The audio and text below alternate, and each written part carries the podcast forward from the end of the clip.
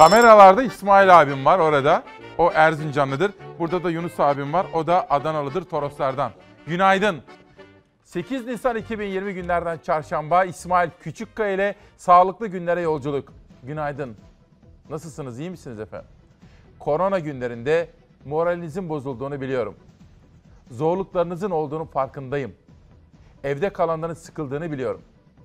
Eve ekmek götürmek isteyip de götüremeyenlerin ne kadar dertlendiklerini biliyorum. Hepsini konuşacağız. Geçecek. Ama şu koronavirüsle mücadele zamanlarında dayanışmayı ihmal etmeyelim. İşte biz bugün kavga zamanı değil diyoruz. Mücadelemizi verelim, evde kalalım ve kurallara uyalım. Hilal'den rica ediyorum hemen gazete manşetleriyle haber yolculuğuna başlayacağız. Bugün Türkiye'den ve dünyadan mesela İngiltere, Amerika, İran, Çin ve Japonya koronavirüse ilişkin en sağlıklı bilgileri sizlere anlatacağım. Çocuklarımız okula gitmiyorlar. Okulu özlediler. Uzaktan eğitim nasıl? Eğitimci Ahmet Hançerlioğulları ile konuştum. Başka eğitimcilerle tartıştık, onları konuşacağız. İnfaz, cezaevinde yakınları olanlar da olmayanlar da dikkatle takip ediyorlar. Çok özel haber, manşet, dosya ve hazırlıklarımız var. Ve ekonomi. Tarıma ilişkin bir gazete manşeti ve oradan yola çıkarak tarım, üreten Türkiye, gıda güvenliği. Her birini konuşma imkanı bulacağız. Esnafın ne kadar dertli olduğunu biliyoruz. Bankalar bugün temel gündem maddelerinden birisi olacak efendim. İşte böylesine dop dolu, daha pek çok sürprizi içinde barındıran ama kuryecilerimize teşekkür edeceğimiz, hani sağlık çalışanlarımıza teşekkür ediyoruz ya, bir de kuryecilere içtenlikle teşekkür edeceğimiz bir gazete hazırladık. Bu gazete fikri de danışmanım Nihal Kemaloğlu'ndan geldi. Ona da şimdilik peşin peşin teşekkür ediyorum. İşte böylesine bir dolu gündemle baş başayız. Hilal hazır mıyız? Buyurun başlayalım. Sözcü gazetesi. Taksit taksit paket olmaz. Bunlar derde deva olmaz. Başak Kaya imzalı Sözcü'deki bir manşet. İktidarın iki önlem paketi için muhalefet böyle diyor. AKP'nin açıkladığı ilk 100 milyarlık yara sarma paketi, yara sarma paketi ile son açıkladığı destek paketi vatandaşın derdine deva olmadı. Çünkü ihtiyaç büyük. Koronavirüs önlemleri yüzünden milyonlarca vatandaş işsiz ve aç kaldı. Pek çok iş yeri kapandı. Herkesin gözü kulağı devletin açıklayacağı sağlam bir destek paketindeydi. Ancak her iki pakette halkı memnun etmedi. Vatandaş tedbirleri taksit taksit alınca başarılı olunmuyor. Ne yapılacaksa bir an önce topluca yapılmalı. Ayakları yere basan sağlam bir paket açıklanmalı diyor. Ben de ekip arkadaşlarımdan rica ettim. Berat Albayrak ekonominin patronu yeni açıklamalar yapmıştı. Onu da Zafer Söken sizler için haberleştiriyor. Bittiği zaman o pakette neler var? Memnun musunuz? Şikayetçi misiniz? Her birini konuşacağım efendim. Sözcüden bir sonraki gazeteye geçiyorum. Hürriyet gazetesinin manşeti. Yeşilköy ve Sancaktepe'de hummalı çalışma. Hastaneler için jet start. Fakat bu hastanelerin yeriyle ilgili bana da çokça İstanbullu'dan itiraz ve eleştiri mesajları geldi. Onları da bugün bir konuğum olacak. Kendisine sorma imkanı bulacağım. Cumhurbaşkanı Erdoğan'ın önceki gün açıkladığı Yeşilköy ve Sancaktepe'ye inşa edilecek iki hastane için çalışmalar başladı. Atatürk Havalimanı deniliyordu. Fakat Florya halkından bu konuda bazı endişeler gelmeye başladı yeriyle ilgili. Ne olduğunu biraz sonra sizlere detaylı olarak anlatma imkanı bulacağım efendim. Hazır mısınız? Günaydın. İsmail Küçükkaya ile sağlıklı günlere yolculuğun manşetleri, Sağlık Bakanı'nın açıkladığı bilgiler ve yurdumuzdaki en son derlediğimiz en gerçekçi, en bilimsel rakamlarla başlıyoruz.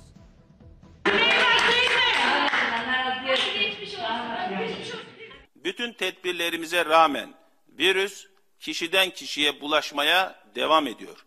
Geldiğimiz noktada bunu kontrol altına almak zorundayız. Tedbirler günden güne sıkılaşıyor, listeye yeni tedbirler ekleniyor. Ancak virüs bulaşmaya ve can almaya devam ediyor. Sağlık Bakanı Fahrettin Koca canlı yayında açıkladı. Vefat eden hastaların yanında teselli edense iyileşen hastaların sayısı oldu. Bugünkü test sayımız 20.023. Bugünkü vaka sayımız 3892. Bugün 76 vatandaşımızı daha kaybettik. 256 vatandaşımız ise şifa buldu.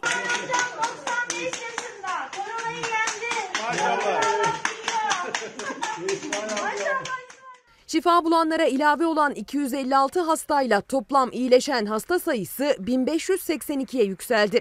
Tablonun teselli eden taraflarından biri olarak açıkladı bakan iyileşenlerin sayısını.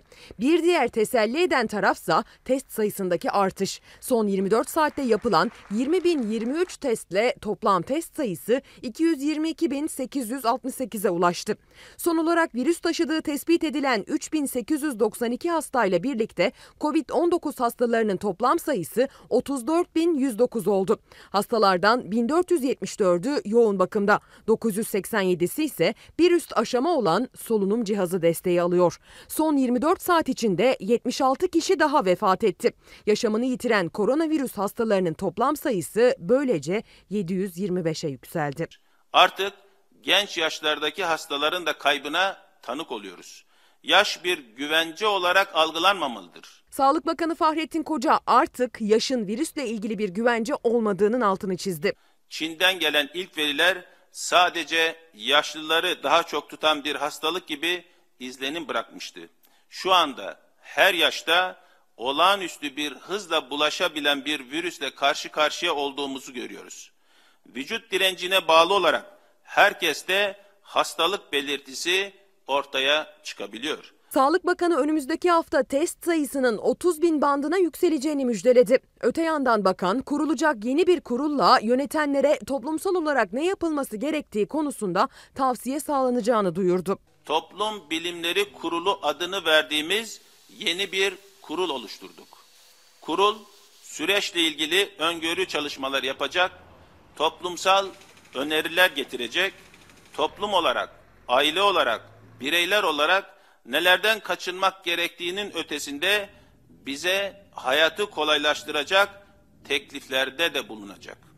Bu uygulama salgınla mücadelede dünyada bir ilktir. Bakan temas ve mesafe uyarısını yineledi konuşmasında. Bu defa sağlık çalışanları adına yaptı izolasyon çağrısını. 1 milyon 100 bini aşkın sağlık çalışanımız adına sizden şunu istiyorum. Temastan kaçının, sosyal mesafeyi koruyun, izolasyon kuralını uygulayın. Meclis Genel Kurulu'nda istisnasız maske takmadan genel kurula gelmemelerini rica ediyorum. Ve sosyal mesafenin korumasına özen gösterilmesini tekrar tekrar rica ediyorum. Mecliste ise koronavirüs tedbirleri kapsamında maskeli oturum vardı. Meclis Başkan Vekili Levent Gök maskeyle açtı oturumu. Sosyal mesafeyle oturulan sıralarda kolonyalar dikkat çekti. Bütün masalarımızda maskeler mevcuttur. Kapı girişlerinde maskeler mevcuttur. Nuriye Hanım diyor ki evladım oğlum ne kadar devam eder diye soruyor. Bilinmez ki Nuriye anne. Ama doktorlara sorduğum zaman şu önümüzdeki 2-3 haftanın çok kritik olduğunu, Ramazana kadar bu kritik sürecin devam edeceğini ve sonra biraz daha dikkatli gidersek bayrama kadar bu meseleyi önemli oranda halledebileceğimizi söylüyorlar. Ama kurallara uyarsak, evde kalırsak, yaşı büyükleri mesela Nuri anne sizin gibi yaşı büyüklerimizi, kıymetli anne ve babalarımızı evde tutarsak, onlara biz gençlerden bulaştırmazsak o zaman biz bu meseleyi bayrama kadar önemli oranda halletmiş olabiliriz. Bunlar uzmanlardan derleyip toparladığım bilgiler. Akın Atasoy Bugün de evdeyiz. Çalar Saati izliyoruz diyor. Teşekkür ederim. İlker Ünsal, günaydın İsmail Bey. Kısa çalışma ödenekleri hala ödenmedi derken Murat Bey, Sivas'tan bir esnafım, dükkanım kapalı, borcu, faturayı nasıl ödeyeceğim diyor. Bakın temel mesele bu. Murat Bey Sivas'tan, dükkan kapalı. Elektrik faturası geliyor. Ne yapacak? Yalçın Bey, milli mücadele anında yardım toplanıyor. Güzel. Toplanan para iş adamı vergiden mi düşecek? Bugün Çiğdem Toker de bu sorunun yanıtını aramış. Bağışta bulunmak güzel, erdemli bir tavır. Ama Çiğdem Toker de diyor ki, bu bağışta bulunan iş adamlarının bir açıklama yapsalar ve vergiden düşmeyeceklerini belirtseler ne kadar güzel olur. Ben de bu konuyu takip edeceğim efendim. Hürriyet gazetesinden sabaha geçiyorum. Sabah ve Sözcü gazetelerinin manşetlerinde bugün çok farklı unsurlar vardı. Sözcü'de paket vardı. Sabahta ise Bakan Koca var. İzliyorum. Betül Usta'nın manşeti. Avrupa'dan en az iki kat iyiyiz. Sağlık Bakanı Koca virüsle mücadeleyi anlattı. Dünyada sağlık altyapısı en güçlü ülkelerdeniz. Avrupa Birliği ülkelerinden en az iki kat fazla solunum cihazı var dedi efendim. Sabaha döneceğim. Fakat şimdi bir cumhuriyete geçelim. İlerleyen dakikalarda sabahtan Berat Albayrak'la ilgili bir haber seçtim. Onu da sizlere okuyacağım. Cumhuriyet Gazetesi'nde Sibel Bahçetepe'nin haberi. Türkiye'deki koronavirüs yayılım hızı İtalya'dan daha sert. Genç ölümler kaygı veriyor.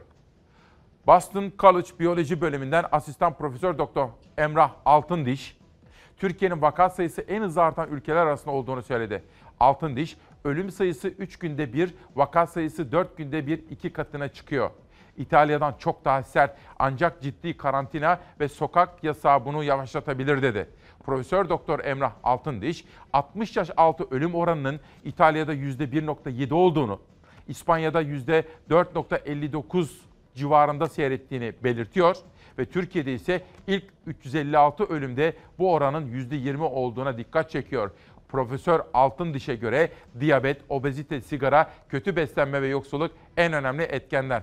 Bugün 8 Nisan'daki bu sabah buluşmamızda koronavirüse ilişkin yine her zamanki gibi en sağlıklı, en güvenilir, en bilimsel bilgileri sizlere anlatmaya gayret edeceğim.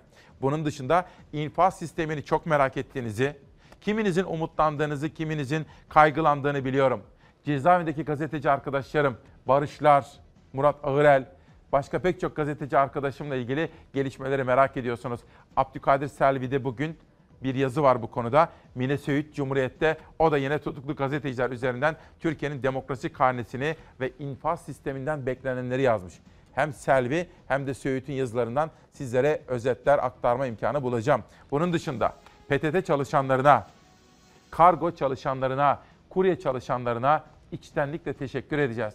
Bu sabah Çalarsat gazetesinde onlara tam sayfa bir manşet hazırladık ve bir takım sürprizlerle onlara doktorlar olduğu gibi kuryecilere, kargoculara, PTT'cilere de içtenlikle teşekkür edeceğiz.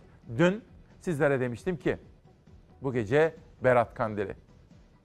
Dualarınız, dilekleriniz bizim, ülkemizin ve bütün insanlığın sağlığı için, huzuru için, birliği için dirliği olsun demiştim.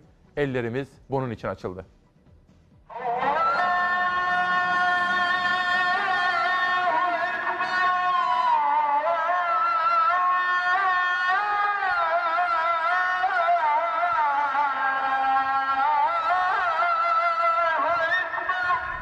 Günahlardan arınılan gece, Berat Kandili gecesi bu yıl geçen yıllara göre farklıydı. Camiler koronavirüs nedeniyle boş kaldı. İnananlar dualarını evlerinden etti, Allah'tan af diledi.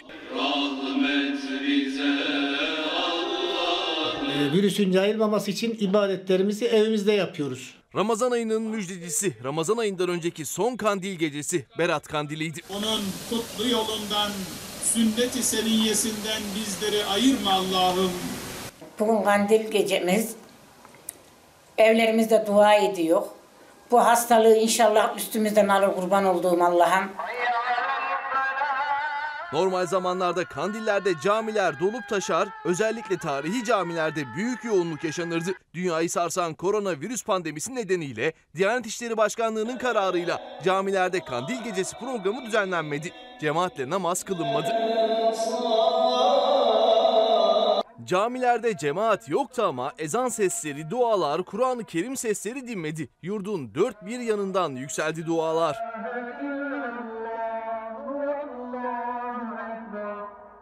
Edirne'de Mimar Sinan'ın ustalık eseri Selimiye Camisi'nde teknolojiden faydalanıldı bu yıl. Berat Kandili dolayısıyla düzenlenen program sosyal medyadan canlı yayınlandı. Görevliler sosyal mesafe kuralına uyarak dua etti, Kur'an-ı Kerim okudu. Şafi isminle bütün insanlara şifa ihsan eyle ya Rabbi. İstanbul'da Büyük Çamlıca Camii'nde de alınan karar doğrultusunda cemaatle ibadet yapılmadı. Caminin mahyasına evde kal Türkiye'm yazıldı.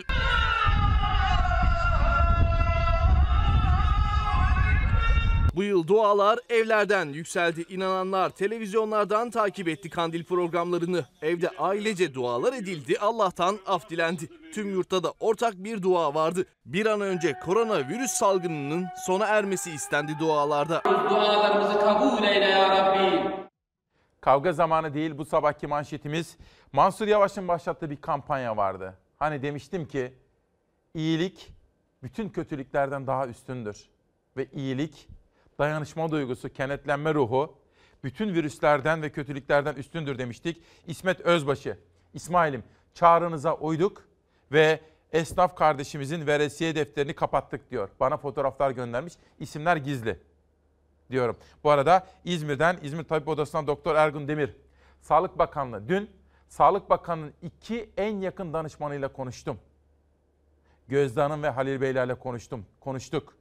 Hatta Sayın Bakan'ı da buraya davet ettim bir kere daha. Şimdi Sağlık Bakanlığı'na önemli bir buradan duyuru yapmak isterim efendim. Doktor Ergun Demir İzmir'den. İsmail Bey lütfen duyurur musunuz? Sağlık Bakanlığı ama bu önemli. Hepiniz dikkatle takip edin. Sağlık Bakanlığı, Türkiye İlaç ve Tıbbi Cihaz Kurumu'nun 3 Nisan tarihli duyurusu ile COVID-19 enfeksiyonu endikasyonunda ayaktan tedavide reçete edilebilen ilaçları, iç hastalıkları, yoğun bakım, enfeksiyon hastalıkları uzman hekimlerince reçete edildiğinde bedeli ödenecektir. Burada sorun yok. Sorun ne? Sorun şu. Yoğun bakım, enfeksiyon hastalıkları uzman hekimlerince reçete edildiğinde bedeli ödenecektir. Ama göğüs hastalıkları uzman hekimlerince bu ilaçlar reçete edildiğinde bakın göğüs hastalıkları uzmanları bu ilaçları yazınca bedeli ödenmeyecektir.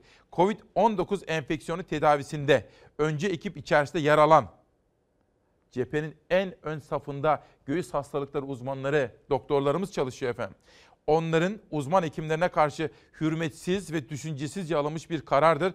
Bürokratik mekanizmanın bu yanlışı düzeltmesi gerekiyor. Ben de Ergun Demir'den aldığım bu mesajı Sağlık Bakanlığı'na sizlerin aracılığıyla ve kamuoyuna duyurmuş olayım efendim. Bir gün gazetesi eşitlik, adalet, vicdan da yok. Hırsız katil bırakılıyor, muhalefet edenler cezalandırılıyor. Türkiye Büyük Millet Meclisi'nde görüşülmeye başlanan ceza infaz düzenlemesi hem anayasaya hem de Türkiye'nin imzaladığı insan hakları metinlerine aykırı. Muhalifler dışında her türlü suça af getiren düzenleme AKP MHP iktidarının yeni utanç vesikası olacak diyor. Bütün bu düzenleme Türkiye'yi Dünya Demokrasi Ligi'nde geriye götüreceği gibi diyor muhalifler. Aynı zamanda insan haklarına da aykırı bir takım hususlar içerdiğini söylüyorlar efendim. Türkiye'deki manzaralara baktık. Bir de Beyza Gözeyik dünyadaki gelişmeleri sizler için derleyip toparladı. Mesela neler var bunun içinde? Çin var. Japonya 1 trilyon dolar koronavirüsle ilgili bir paket açıkladı. Amerika 2 trilyon dolar yetmiyor.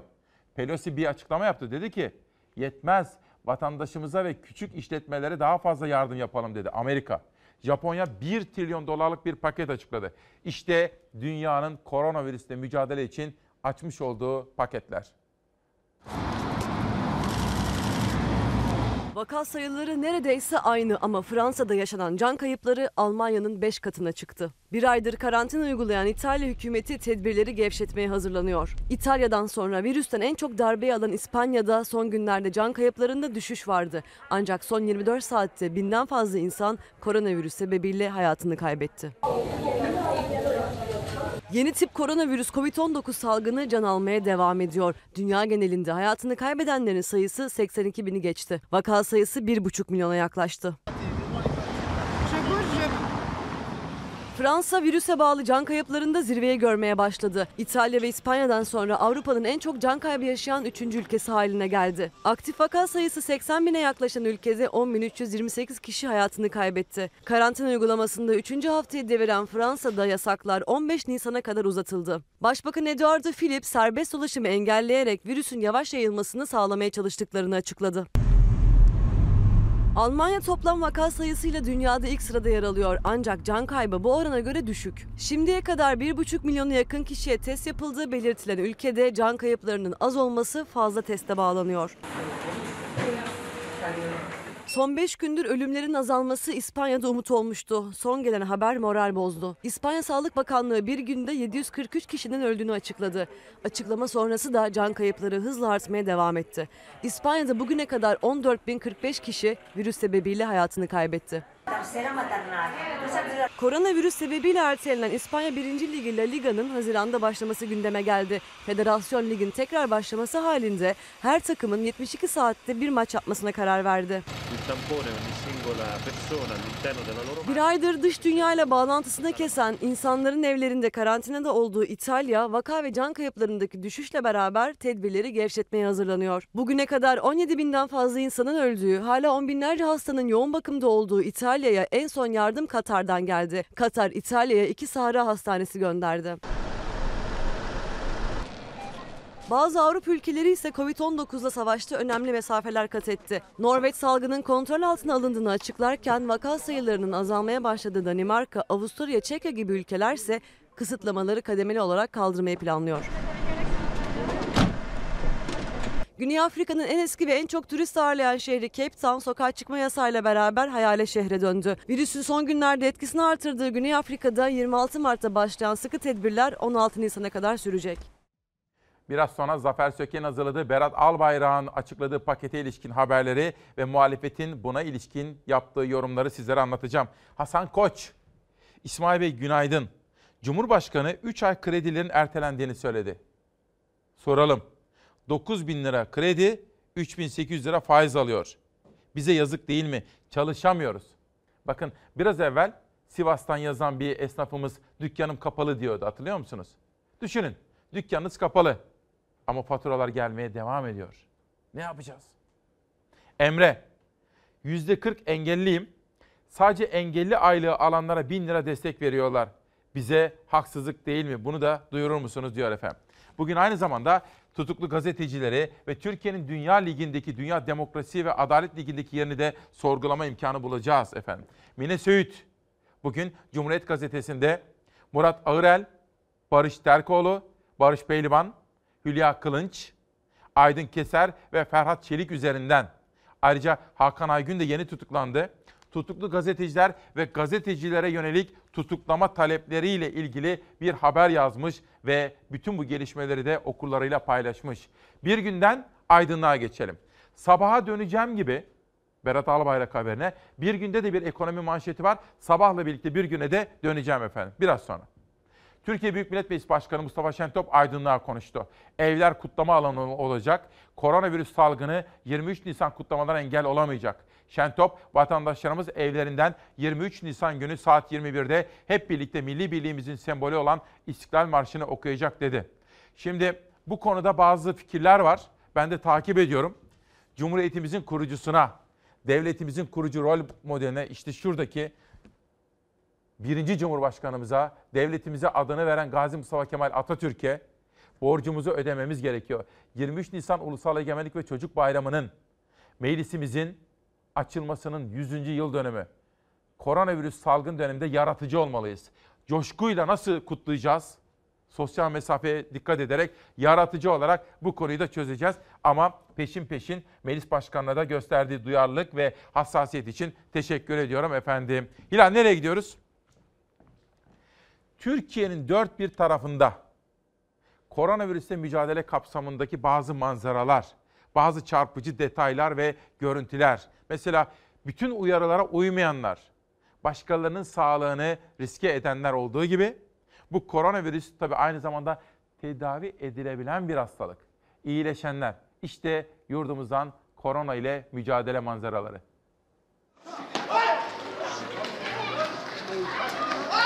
Maske takmadığı için içeri alınmayan müşteri arkadaşlarını toplayıp fırıncıya saldırdı. Türkiye'nin koronavirüsle mücadele günlüğünde önlemlere uyan da vardı, uymayan da. Kavgaya tutuşanlarla kumar oynayanlara sosyal mesafe ihlalinden de ceza kesildi. Antalya'nın Kepez ilçesinde bir müşteri maske takmadan fırına ekmek almaya gitti. Ancak personel maskesiz olduğu için müşteriyi içeriye almadı, tartışma çıktı. Birkaç dakika sonra aynı müşteri yanına 3 kişiyi alıp tekrar fırına gitti. 4 kişi masada arkadaşlarıyla oturan iş yeri sahibi Cihan D'nin üzerine yürüdü. Cihan D can havliyle içeri kaçtı, saldırganlar da sopalarla peşinden gitti. Saldırı fırının içinde de devam etti. Görüntüler koronavirüs günlerinde Türkiye'de maske tartışmasıyla başlayan ilk kavga olarak kayda geçti.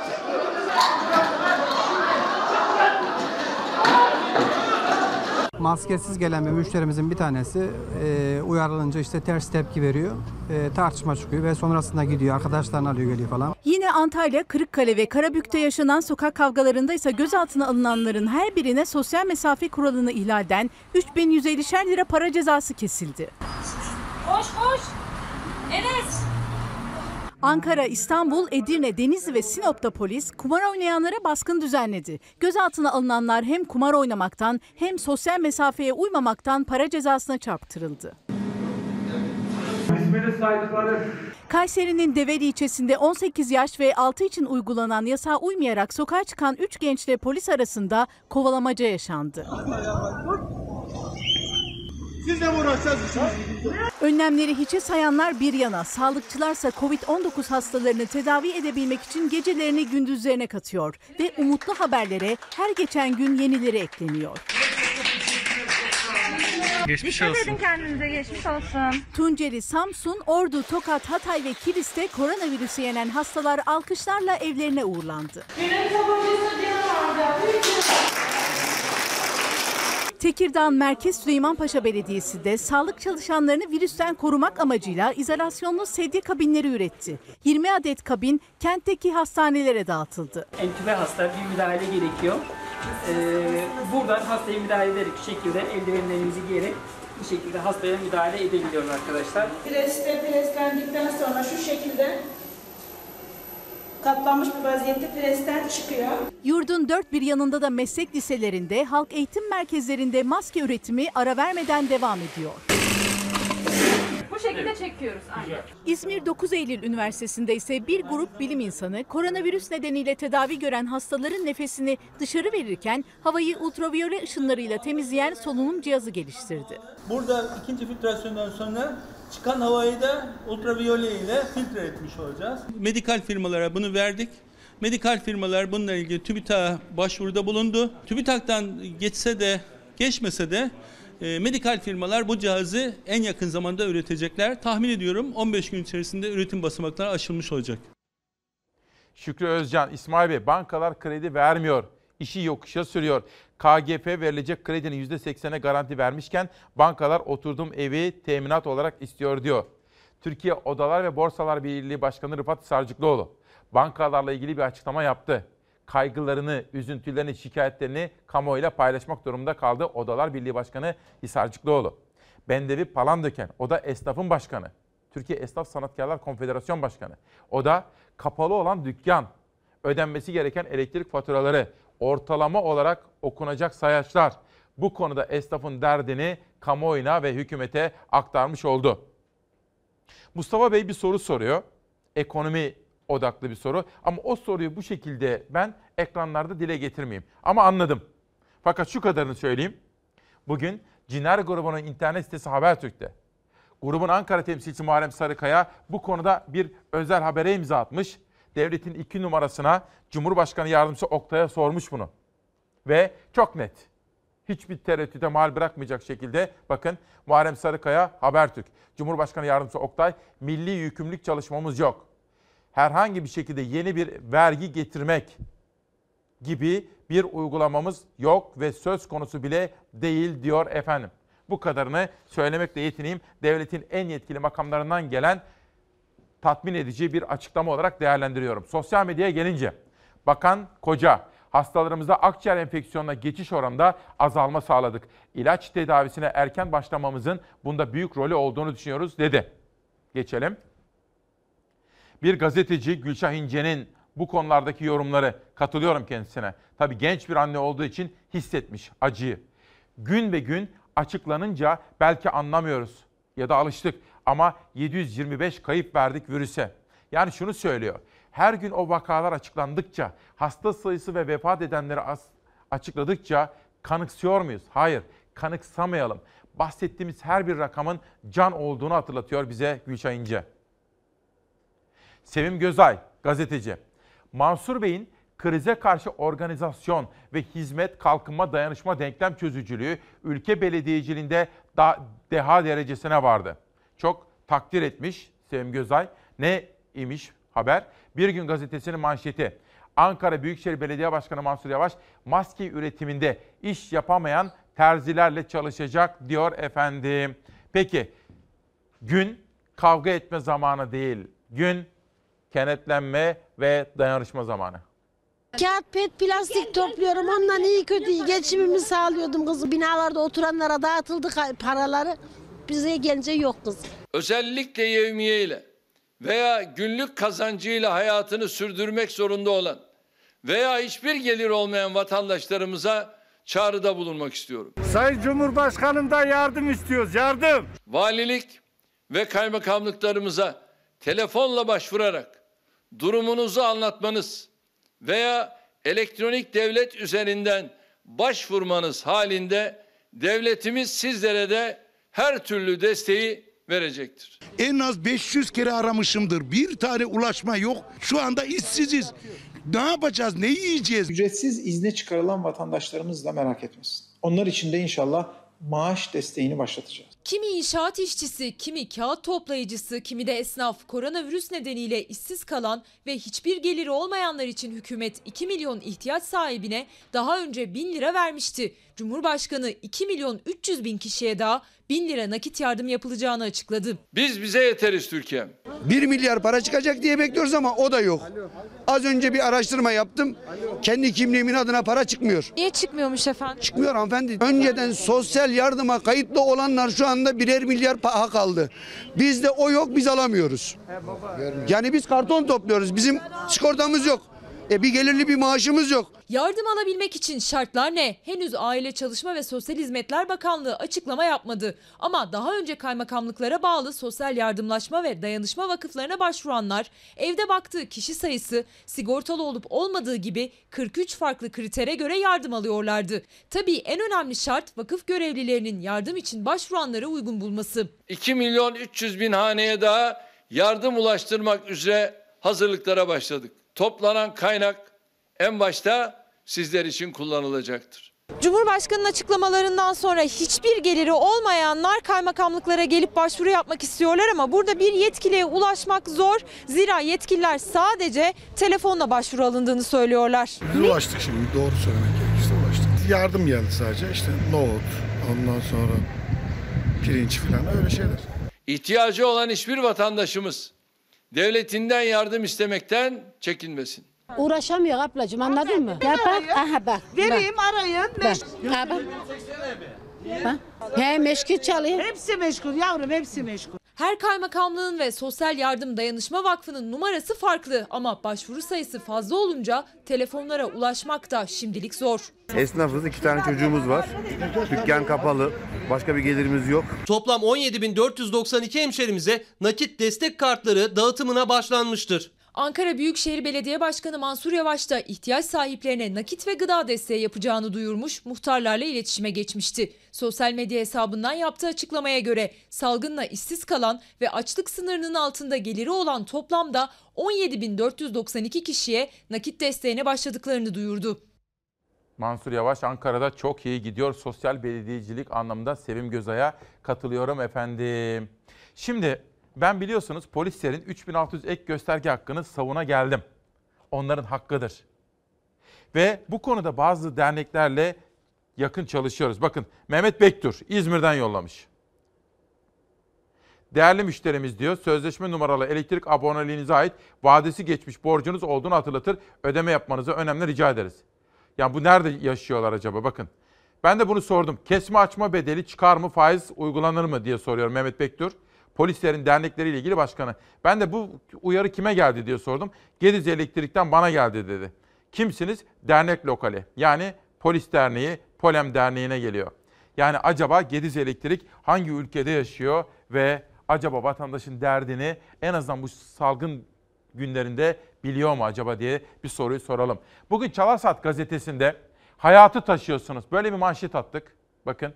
Çünkü kargo şirketleri, kurye çalışanları, PTT çalışanları, motorlu kuryeler, araçlı kuryeler, büyük süpermarket zincirlerinin araçlarla evlere yardım taşıyanlar, hayatı taşıyorsunuz dedik. Onlara içtenlikle teşekkür ettik. Biraz sonra Cem Yılmaz'ın seslendirdiği bir video var. Onu sizlere anlatacağım. Ama izin verirseniz bir reklama gitmek istiyorum.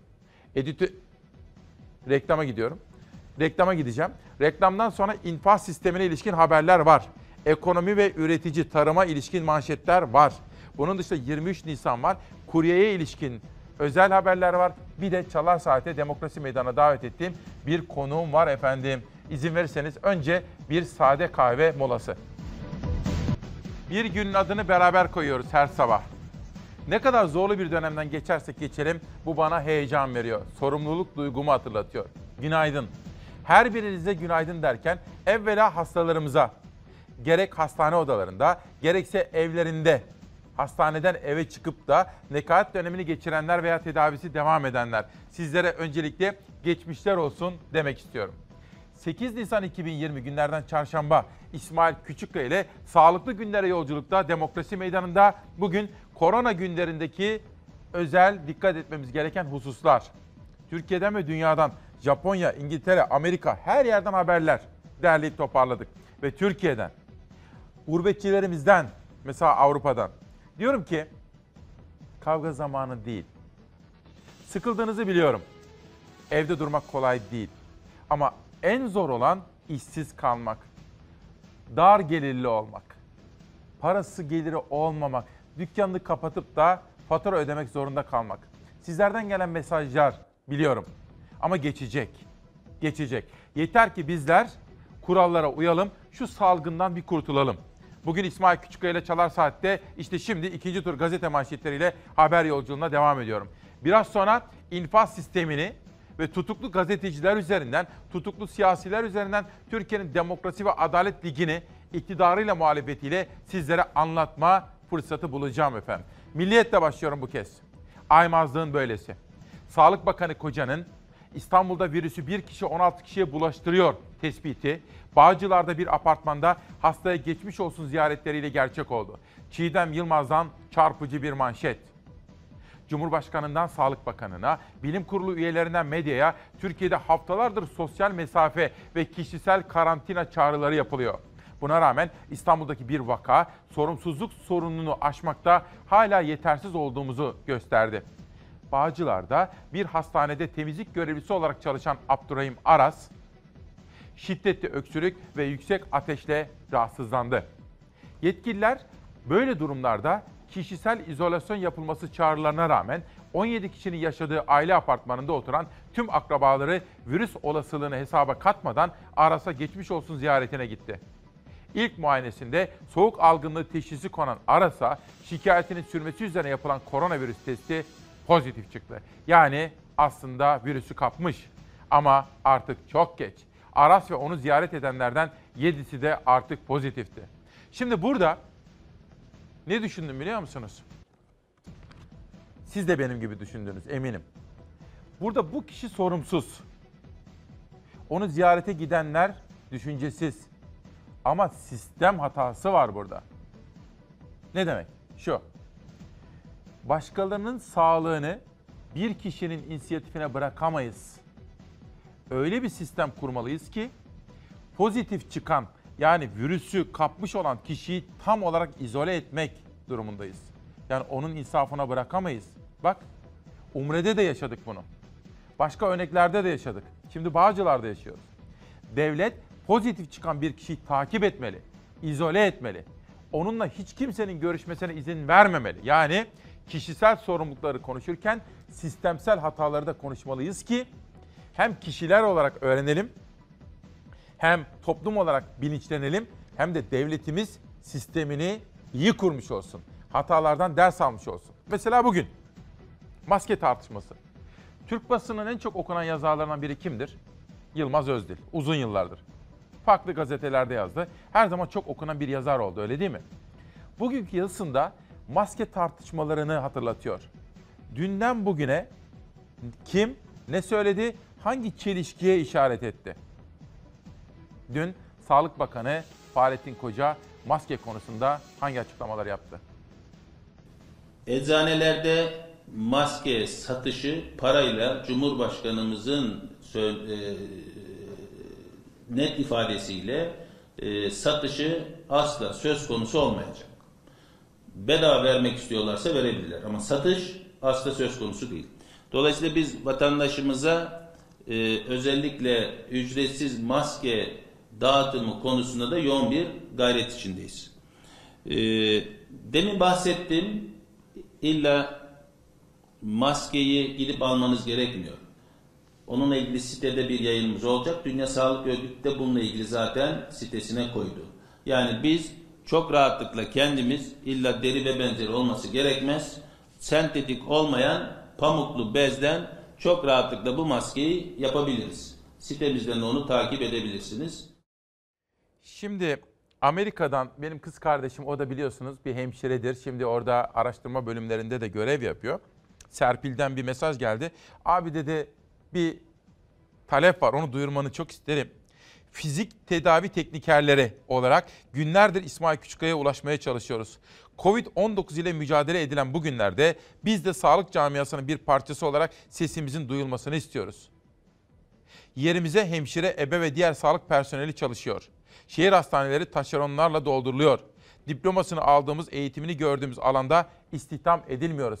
Lütfen Sağlık Bakanlığı'na duyursun. Sağlık Bakanlığı İsmail Küçükkaya'yı dinler diyor. Bana çok sayıda mesaj yönlendirmiş kız kardeşim. Onların da sesini duyurmaya çalışalım. Milliyet'ten Sözcü Gazetesi'ne geçiyorum.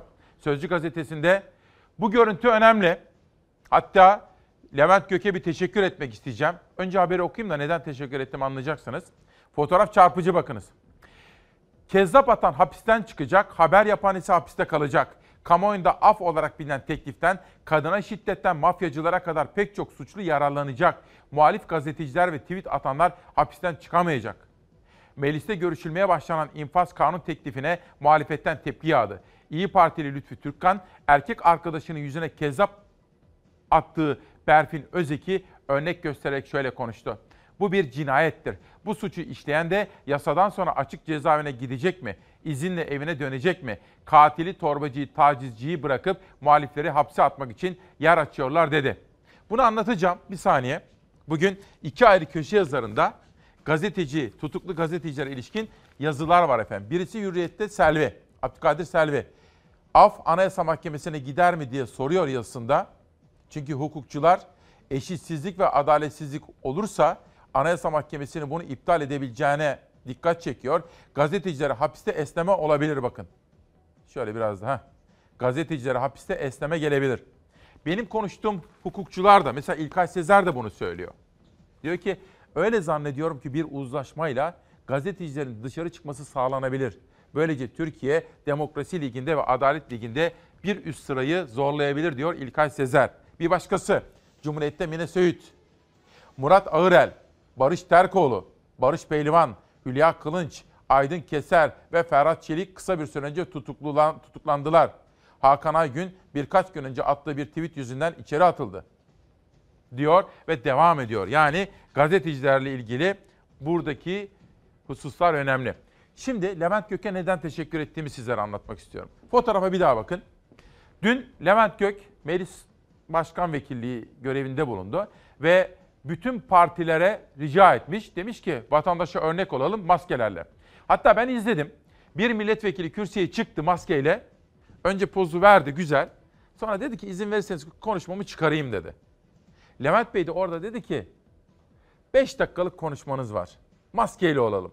Vatandaşa örnek olalım dedi. İşte ben bu tavrı önemsiyorum ve kürsüdeki milletvekili de buna saygı duydu. Dolayısıyla vatandaşa örnek olarak onlara teşekkür ediyorum. Sözcüden sonra bir sonraki manşet. Dünya. Bugün ekonomiyi de çok detaylı olarak sizlerle konuşacağız.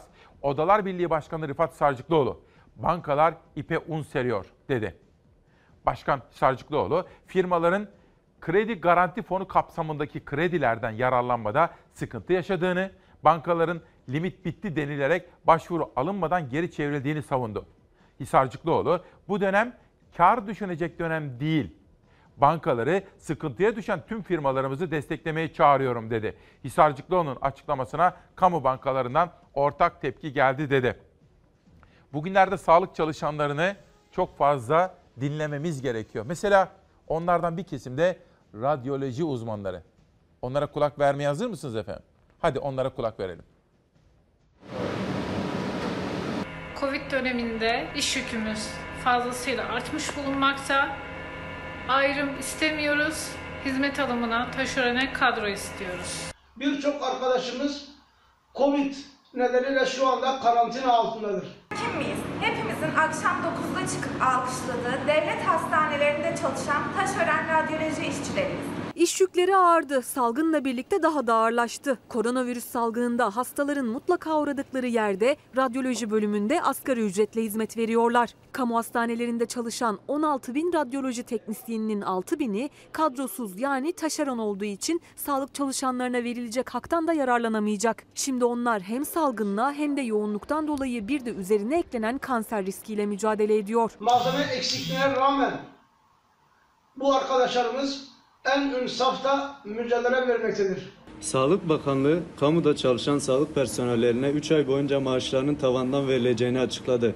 Bizler ise kamu personeli olmadığımız için bu verilecek ikramiyenin dışında tutuluyoruz. Türkiye'de normal şartlarda yılda 11 milyon kişiye MR, 13 milyon kişiye ise tomografi çekiliyordu. Koronavirüs salgınıyla bu sayı çok arttı. Hekimler hastaların akciğerlerini görmek, hastalık teşhisini doğru koyabilmek için röntgen ya da tomografi istiyor. Görüntüleme hizmetlerinde çalışan radyoloji teknisyenleri de işte bu yüzden iki kat daha fazla radyasyona maruz kalıyor. Bizi diğer sağlık çalışanlarından ayıran en önemli fark bizim şirket elemanı olmamızdır.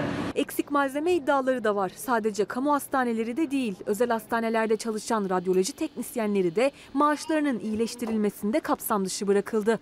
Sağlık Bakanlığı kamu hastanelerindeki görüntüleme hizmetlerini bir an önce kamulaştırmalı ve burada çalışan teknisyen ve teknikerleri de kamuda istihdam etmelidir. Yarın ben normalde konuklarımı anons etmiyorum biliyorsunuz. Yarın bir doktoru çağırdım buraya. Özellikle şimdi bir izleyenim bana diyor ki annesi için yazmış. Nasıl güçlendirebilirim diyor. Çok kolay hasta oluyor diyor. Sadece adını söyleyeyim. Yeşim Hanım diye bir doktor çağırdım. Bu konularda dikkatle takip ettiğim bir hocadır. Yarın 8.40-8.45 civarında sizlerle buluşturacağım. Sizin Hafize Hanım sadece o kadarını söyleyeyim. Yarın size bu konuda böyle hap gibi birkaç küçük tüyo vereceğiz. Ama öyle vitaminler falan değil. Sağlıklı bir şekilde yaşamamız için ne yapmamız gerekiyor? Yarın 8.45'te. Dün cezaevinden bir mektup vardı. Daha doğrusu dün dört mektup vardı hatırlayacaksanız. Bir tanesi cezaevindeki bir kardeşimiz okuyordu ama imkanı yoktu. Adımızı vermeyin dediler. Bizim Savaş'a yönetmenim Savaş Yıldız'a ulaştılar ama isimlerine vereceğim. Neden veriyorum biliyor musun? Bilirim ki yardımcı olmak insani bir görevdir ama gizlidir. Ama örnek olması için de söylemem gerekiyor. Çünkü yardımlaşmayı artırmak istiyorum. Mansur Yavaş geçen gün öyle söylüyordu. Bu veresiye işini siz söyledikçe öyle bir artıyor dedi ki sabah İsmet Özbaşı da yazdı ya. Bakkala gidiyorsunuz ya da bir esnafa veresiye defterindeki bir vatandaşın borcunu ödüyorsunuz efendim. Ne kadar güzel bir şey. Bakın Kocaeli Kapalı Cezaevinden bir mektup gelmişti. Bir gencimiz adını vermiyorum burs istiyordu. Ege Bölgesi Sanayi Odası Vakfı yılda yaklaşık 500 şehit öğrencimize burs veriyor. Bunu biliyorum şehit çocuğuna. Şehitlerimizin çocuğuna burs veriyor. Ege Bölgesi Sanayi Odası Yönetim Kurulu Başkanı Ender Yorgancılar dünkü yayınımızı izlemiş ve ben o cezaevindeki çocuğumuza da destek olmak istiyorum demiş. Ender Bey'e de içtenlikle teşekkür ediyorum İzmir'e efendim. Şimdi dünyadan bir haber daha gelsin. Firmaların yarısı %50'den fazla ciro kaybetti. Hedefler için İş Dünyası platformunun araştırmasına göre cirolardaki azalış Güneydoğu'da %71'e kadar çıkıyor. Bakın özellikle Doğu ve Güneydoğu'da ve her yerde öyle ama Doğu ve Güneydoğu'daki rakamlara dikkat çekiyor Dünya Gazetesi. Geçelim bir sonraki manşete. Evrensel. Milyonlar evde, faturalar kapıda. Milyonlarca çalışanın ücretsiz izne gönderildiği, ayı maaşsız geçirmek zorunda bırakıldığı bir dönemde gelen yüksek doğalgaz faturaları ağır mağduriyetler yarattı diyor efendim. Şimdi sıradaki haberi şöyle anlatayım. Burada her zaman başka televizyonlarda göremediğiniz ya da ya da çok nadir gördüğünüz bilim insanlarını ağırlamaya gayret ediyoruz. Değil mi? Mesela buradaki en son iki hocamız ortak olarak şunları söylemişlerdi. Siz önce evde kalın. Sosyal izolasyon kurallarına uyun. Hijyene uyun. Evde dinlenin. istirahat edin yapabiliyorsanız. Dışarı çıkmak zorunda değilseniz bunları mutlaka yapın. Ama özellikle ilaç ve aşı konusunda daha çok zaman olduğunu, bilimsel çalışmaların sürdüğünü ve kanıt istediğini unutmayın diyorlardı. Yani bilimsel bir bakış açısına ihtiyacımız var. Koronavirüsle mücadelede umutlandıran haber Türkiye'den geldi. Türk bilim insanı Profesör Doktor Aykut Özkul virüs aşısı ve ilacı için ilk aşamayı başarıyla tamamladı. Virüsü izole etmeyi başardı. Dünya Çin'in Wuhan kentinde ortaya çıkan koronavirüsle mücadele ediyor. Virüs kısa sürede tüm dünyaya yayıldı. Dünya Sağlık Örgütü Covid-19'u pandemi yani küresel salgın ilan etti. Tüm dünyada bilim insanları virüsle mücadelede bir çare, ilaç ya da aşı bulmak için çalışmaya başladı. Başka hastalıklarda kullanılan ilaçlar da koronavirüsle mücadele için kullanılıyor. Çünkü hastalığa yönelik hazırlanan bir ilaç ya da aşı henüz yok. Türkiye'yi hatta dünyayı umutlandıran haber Ankara'dan geldi. Ankara Üniversitesi Biyoteknoloji Enstitüsü Direktörü Profesör Doktor Aykut Özkul'un Covid-19'a karşı serum, aşı ve ilaç üretmenin ilk adımı olan virüsün izolasyonu işlemini başarıyla tamamladığını duyurdu. Ankara Üniversitesi ilaç ve aşı için çalışmaların sürdüğünü duyurdu. Bakın Ümit Başar, İsmail Bey. Kış döneminde Antalya bölgesinde birkaç yüz binlik boş yatak var. Oteller bomboş şu anda. 3-5 bin kişilik oteller bile mevcut. Öğrenci yurtlarında yapılan karantina, tüm Türkiye'de tespit edilen pozitif hastalar, doktorlar buralara yerleştirilse, yani bu turizm tesisleri neden kullanmadık diye soruyor. Haklı bir soru. İsmim sizde kalsın diyor bir doçent. Ha, göğüs hastalıkları doçenti bakın. Bir saniyenizi alacağım. Şurada bir mesaj vardı. Ergun Demir İzmir Tabip Odası'ndan yazmıştı. Danışmanıma ulaşmıştı Nihal Kemaloğlu'na. Önemli.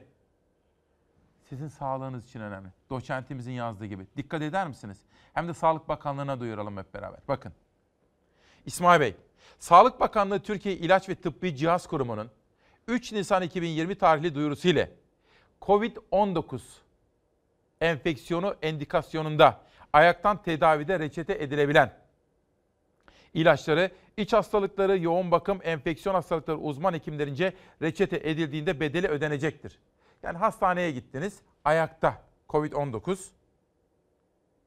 ve bu reçete edilebiliyor. Ancak göğüs hastalıkları, bakın buradaki doçentimizin yazdığı gibi. Ancak göğüs hastalıkları uzman hekimlerince bu ilaçlar reçete edildiğinde bedeli ödenmeyecektir. Büyük bir bürokratik sıkıntı var burada. Sağlık Bakanı'nın danışmanlarına da buradan uyaralım. Covid-19 enfeksiyonu tedavisinde önce ekip içerisinde yer alan göğüs hastalıkları uzman hekimlerine karşı hürmetsiz bir karar alan bürokrasinin, bürokratların bu yanlış kararının düzeltilmesi gerekir diyor. Sağlık Bakanlığı'nın bunu düzelteceğine inancım tamdır. Tamdır. Evrensel'den geçelim Pencere gazetesine. Ücretsiz izne maaş desteği 2.3 milyon, dar gelirliye 1000 lira. Bu haberi istemiştim Hilal hazırsa Zera'ya bir sor olur mu? Bakan Albayrak salgınla mücadele kapsamında verilecek iki desteği daha açıkladı. Albayrak'ın açıkladığı desteklerden ilki ücretsiz izne çıkarılanlar, çıkarılanlar için maaş desteği, ikincisi ise dar gelirli 2.3 milyon ailenin daha 1000 liralık nakdi yardım faydalanmasını sağlanması. Arkadaşım beni uyarıyor. Haber bitmemiş. Bittiği anda ben bu haberi sizlere anlatacağım efendim. Haber olarak da sunacağım. Geçelim bir sonraki manşete bakalım. No limit tartışması.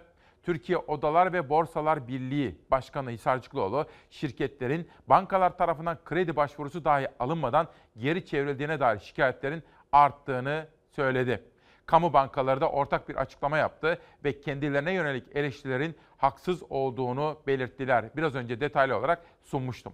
Geçelim sonraki gazetemize.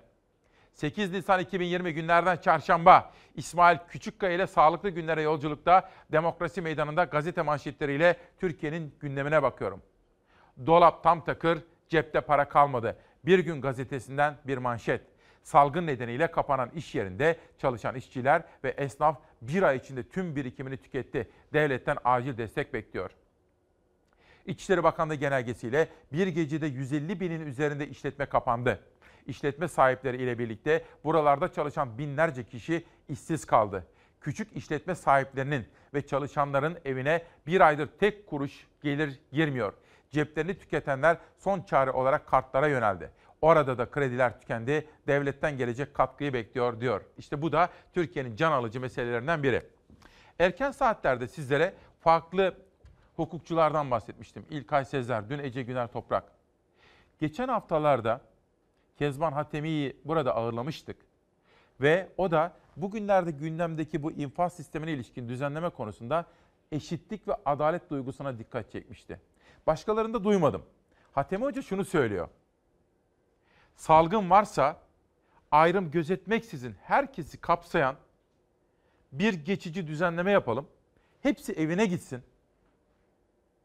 Eşitsizlik ve adaletsizlik olmasın. Daha sonra cezalarını çeksinler gibi bir öneride bulunmuştu. Bu öneri kabul görür veya görmez. Ama hem Hatemi Hoca'nın hem İlkay Sezer, Ece Güner Toprak hem de konuştuğum bütün hukukçuların ortak fikri şu. Bu düzenleme infaz sisteminde de eşitlik ve adalet getirmek durumundadır. Türkiye'ye ancak böyle hayrı dokunur.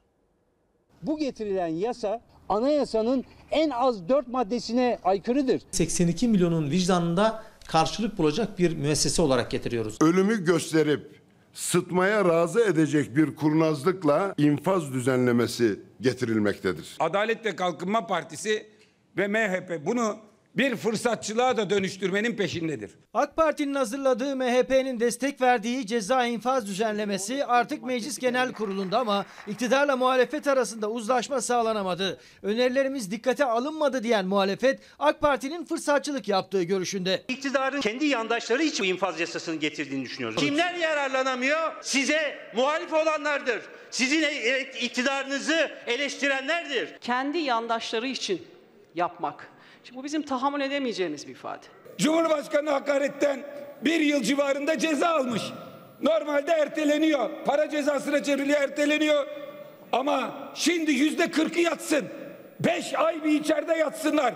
Hani cezaevi boşaltıyorduk. İktidar 70 maddelik infaz teklifinin bir af olmadığını söylerken muhalefet bir yandan cezaevleri boşalacak, diğer yandan yeni düzenlemelerle on binlerce kişi cezaevine girecek iddiasında. Cumhurbaşkanı sıfatıyla değil, Adalet ve Kalkınma Partisi'nin genel başkanı sıfatıyla sayıyor sövüyor. Vatandaş buna karşı tweet atıyor. Ceza veriyorlar bir yıl, bir yıl, iki ay, üç ay. Bu erteleniyor, ertelenmesin diyorlar. Türkiye'de bu konuda 100 binin üzerinde davanın olduğunu düşünülürse Cumhuriyet Halk Partisi Adalet ve Kalkınma Partisi'nin bu tutumunu ancak ayıplayabilir. Kenan Evren'in 12 Eylül'de bir lafı vardı. Demişti ki asmayalım da besleyelim mi? Şimdi bu iktidar da diyor ki benim yandaşım olmayanları cezaevinde ölüme terk edeceğim. Meclisteki uzlaşma turlarından ve Adalet Komisyonu'ndaki görüşmelerden sonuç çıkmadı. Gözler kırmızı çizgilerin yüksek sesle ortaya konulacağı genel kuruldaki görüşmelere çevrildi. Kadına şiddetin bedelinin ağırlaştırılması talebimizi sürecin her aşamasında kararlılıkla dile getirdik. Bir an önce çıkması gerekip de bu kanun kapsamına alınmayan kişilerin düşünce suçlularının, gazetecilerin, siyasetçilerin, akademisyenlerin yakınları mücadelemizden endişe etmesin. Şimdi eğitimle ilgili bir mesaj var da notlarıma bakıyorum. Bu arada Türk Kadın Dernekleri Federasyon Başkanı Canan Gülü diyor ki, o kelimeyi hocam burada ifade etmek istemiyorum ama hani çok kötü suç işlemiş birileri çocuğa karşı mesela kadına karşı şiddet, vahşet bunları eve nasıl yollarsınız diye soruyor. Ben de Canan Güllü hocama dedim ki çok haklısınız ama ortak kanaat neydi? Ortak payda eşitlik ve adalet. Peki ben de hocama soracağım şimdi bunu nasıl sağlayacağız? Hocamdan gelen mesajı da sizlere anlatacağım. Efendim eğitimle ilgili soru vardı. Heh. Ahmet Hançerlioğulları Ankara'dan çok kıymetli matematik hocası, öğretmenimiz, uzun yıllardır tanıdığımız birisi. Ahmet Hançerlioğulları diyor ki, bazı projelerden bahsetti. İsmail'im, gelecek online yani uzaktan eğitimde. Bu konuda devletin ve bizlerin yapması gerekenler var dedi. Hoca üzerinde çalışıyor ama şu günden bir parça durulsun. Hocayla bu konuyu konuşacağım. Bu arada Fatma Özyurt, Ankaralıların yakından tanıdığı bir eğitimci.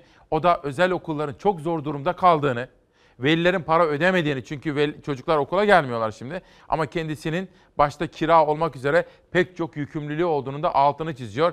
Devlet acaba bu konuda ne yapabilir? Fatma Hanım da bunu soruyor. Biz bugün bir teşekkür gazetesi yaptık efendim. Ve hayatı taşıyorsunuz dedik. Herkesin evde kaldığı bu salgın günlerinde onlar çalışıyorlar. Bazıları araçlarla, bazıları motorlarla. Onlar kuryeciler.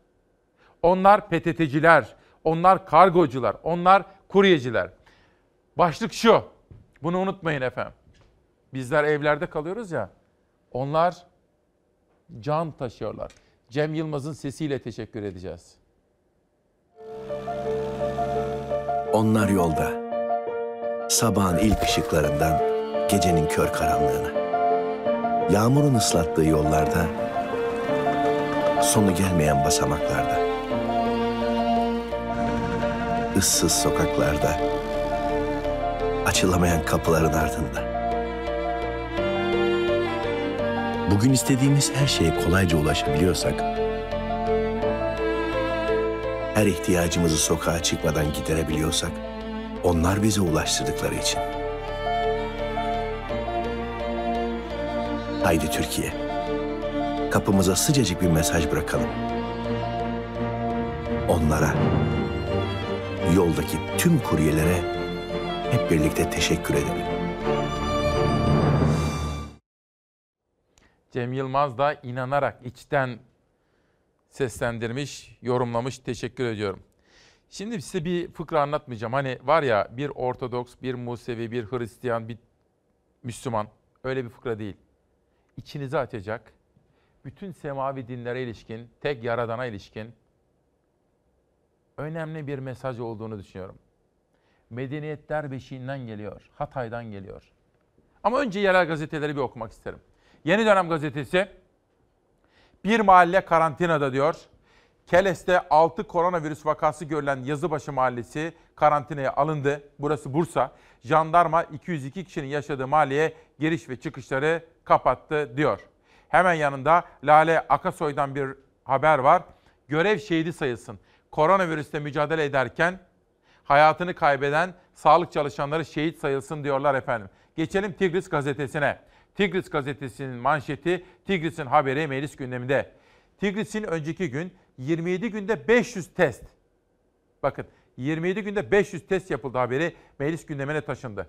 HDP nüfusu 2 milyona yakın olan Diyarbakır'da son 27 günde 500 koronavirüs testi yapılmasını meclis gündemine taşıdı. Yukarıya çıkıyorum Tigris'e. Sürmanşette hem Türkçe hem de Kürtçe evde kal Diyarbakır mesajını görüyorum. Lütfen dışarıya çıkmayın. Sevgili Diyarbakırlılar, lütfen konuyu ciddiye alın ve evde kalın efendim. Geçiyorum Karadeniz'e. Ajans Sinop. Salgın var müdür yok. 2017 yılı Kasım ayında Sinop İl Sağlık Müdürü olarak atanan Doktor Mehmet Erşan'ın geçtiğimiz Şubat ayında Kütahya İl Sağlık Müdürlüğü'ne göreve atanmasından sonra İl Sağlık Müdürlüğü koltuğu boş kaldı. Ortalığın salgın illetiyle yandığı bu süreçte Sinop'a müdür atanmaması bu kent bu kadar mı sahipsiz sorusunu akıllara getirdi diyor efendim. Hadi ta Karadeniz'den güneye inelim. Medeniyetler Beşiği Hatay'a gidelim ve izleyelim bakalım neler, hangi mesajlar var. Tüm dünyayı etkisi altına alan koronavirüs riskine karşı öncelikle devletin ilgili kurumlarının aldığı önlemlere herkesin istisnasız uyması gerekmektedir. İnsanlık için görev başında olan ülkemiz sağlık çalışanları başta olmak üzere tüm sağlık görevlilerine teşekkürü bir borç biliyoruz. Ulu önderimiz Mustafa Kemal Atatürk benim manevi mirasım bilim ve akıl demiştir. Bu sözleri bir kez daha hatırlamalı ve bilimin yolunda ayrılmamalıyız. Ülkemizin kurucusu Gazi Mustafa Kemal Atatürk'ün dediği gibi hayattaki en hakiki mürşit ilimdir, fendir. Bunu unutmamalı ve bu bilinçle hareket etmeliyiz. Hatay'ımızın bağımsızlığını borçlu olduğumuz Gazi Mustafa Kemal Atatürk, Türk milletinin yürümekte olduğu ilerleme ve uygarlık yolunda elinde ve kafasında tuttuğu meşale pozitif bilimdir demiştir. Tüm önlemlerimizi bilimin ve bilim insanlarının işaret ettiği şekilde gerçekleştirmeliyiz. İnanıyoruz ki güzel günler yakındır. Bu zor günler elbette geçecek. Bunun için dua etmeye devam ediyoruz. Barışın, sevginin ve kardeşçe yaşama kültürünün en güzel örneklerinin verildiği Hatay'da ve tüm dünyada güzel günlerin sağlıkla yeniden yaşanacağına inanıyorum. Ve bunun için her daim dua ediyoruz. Hatay benim şahsi meselemdir diyerek dahihane bir fikirle ana vatana katılmamızı ve yalnız ilmin ve fennin yaşadığımız çağda gelişmesini idrak etmek ve ilerlemesini zamanında izlemek şarttır diyen Gazi Mustafa Kemal Atatürk'ün söylemlerine uygun olarak bu ve bunun gibi felaketleri akıl ve bilimle yenebileceğimizi unutmamalıyız. Müthiş değil mi efendim? Müthiş. Bakın bir eczacı, benim de şahsen tanıdığım birisi, Füsun Taşar. İsmail Bey bir haksızlık var. Dile getirir misiniz diyor. Şimdi eczacı gruplarında paylaşılan bir konu var.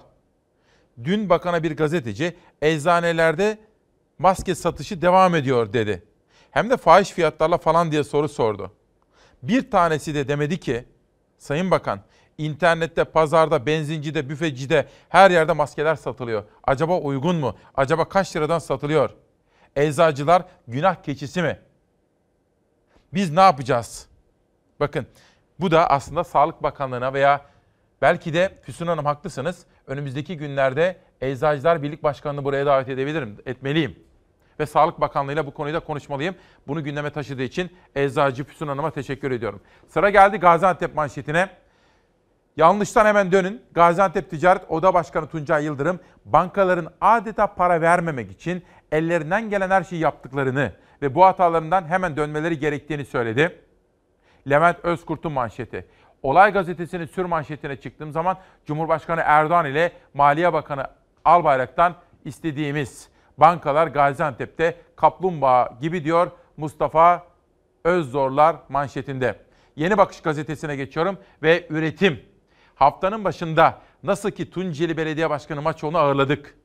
Nasıl ki Ali Ekber Yıldırım tarım yazarıyla konuştuk. Bizim çıkışımız, nerede bizim çıkışımız? Tabii ya, üretimde. Üreticiye, köylüye, besiciye, hayvancılıkla uğraşanlara destek olmak zorundayız. Yoksa yandık.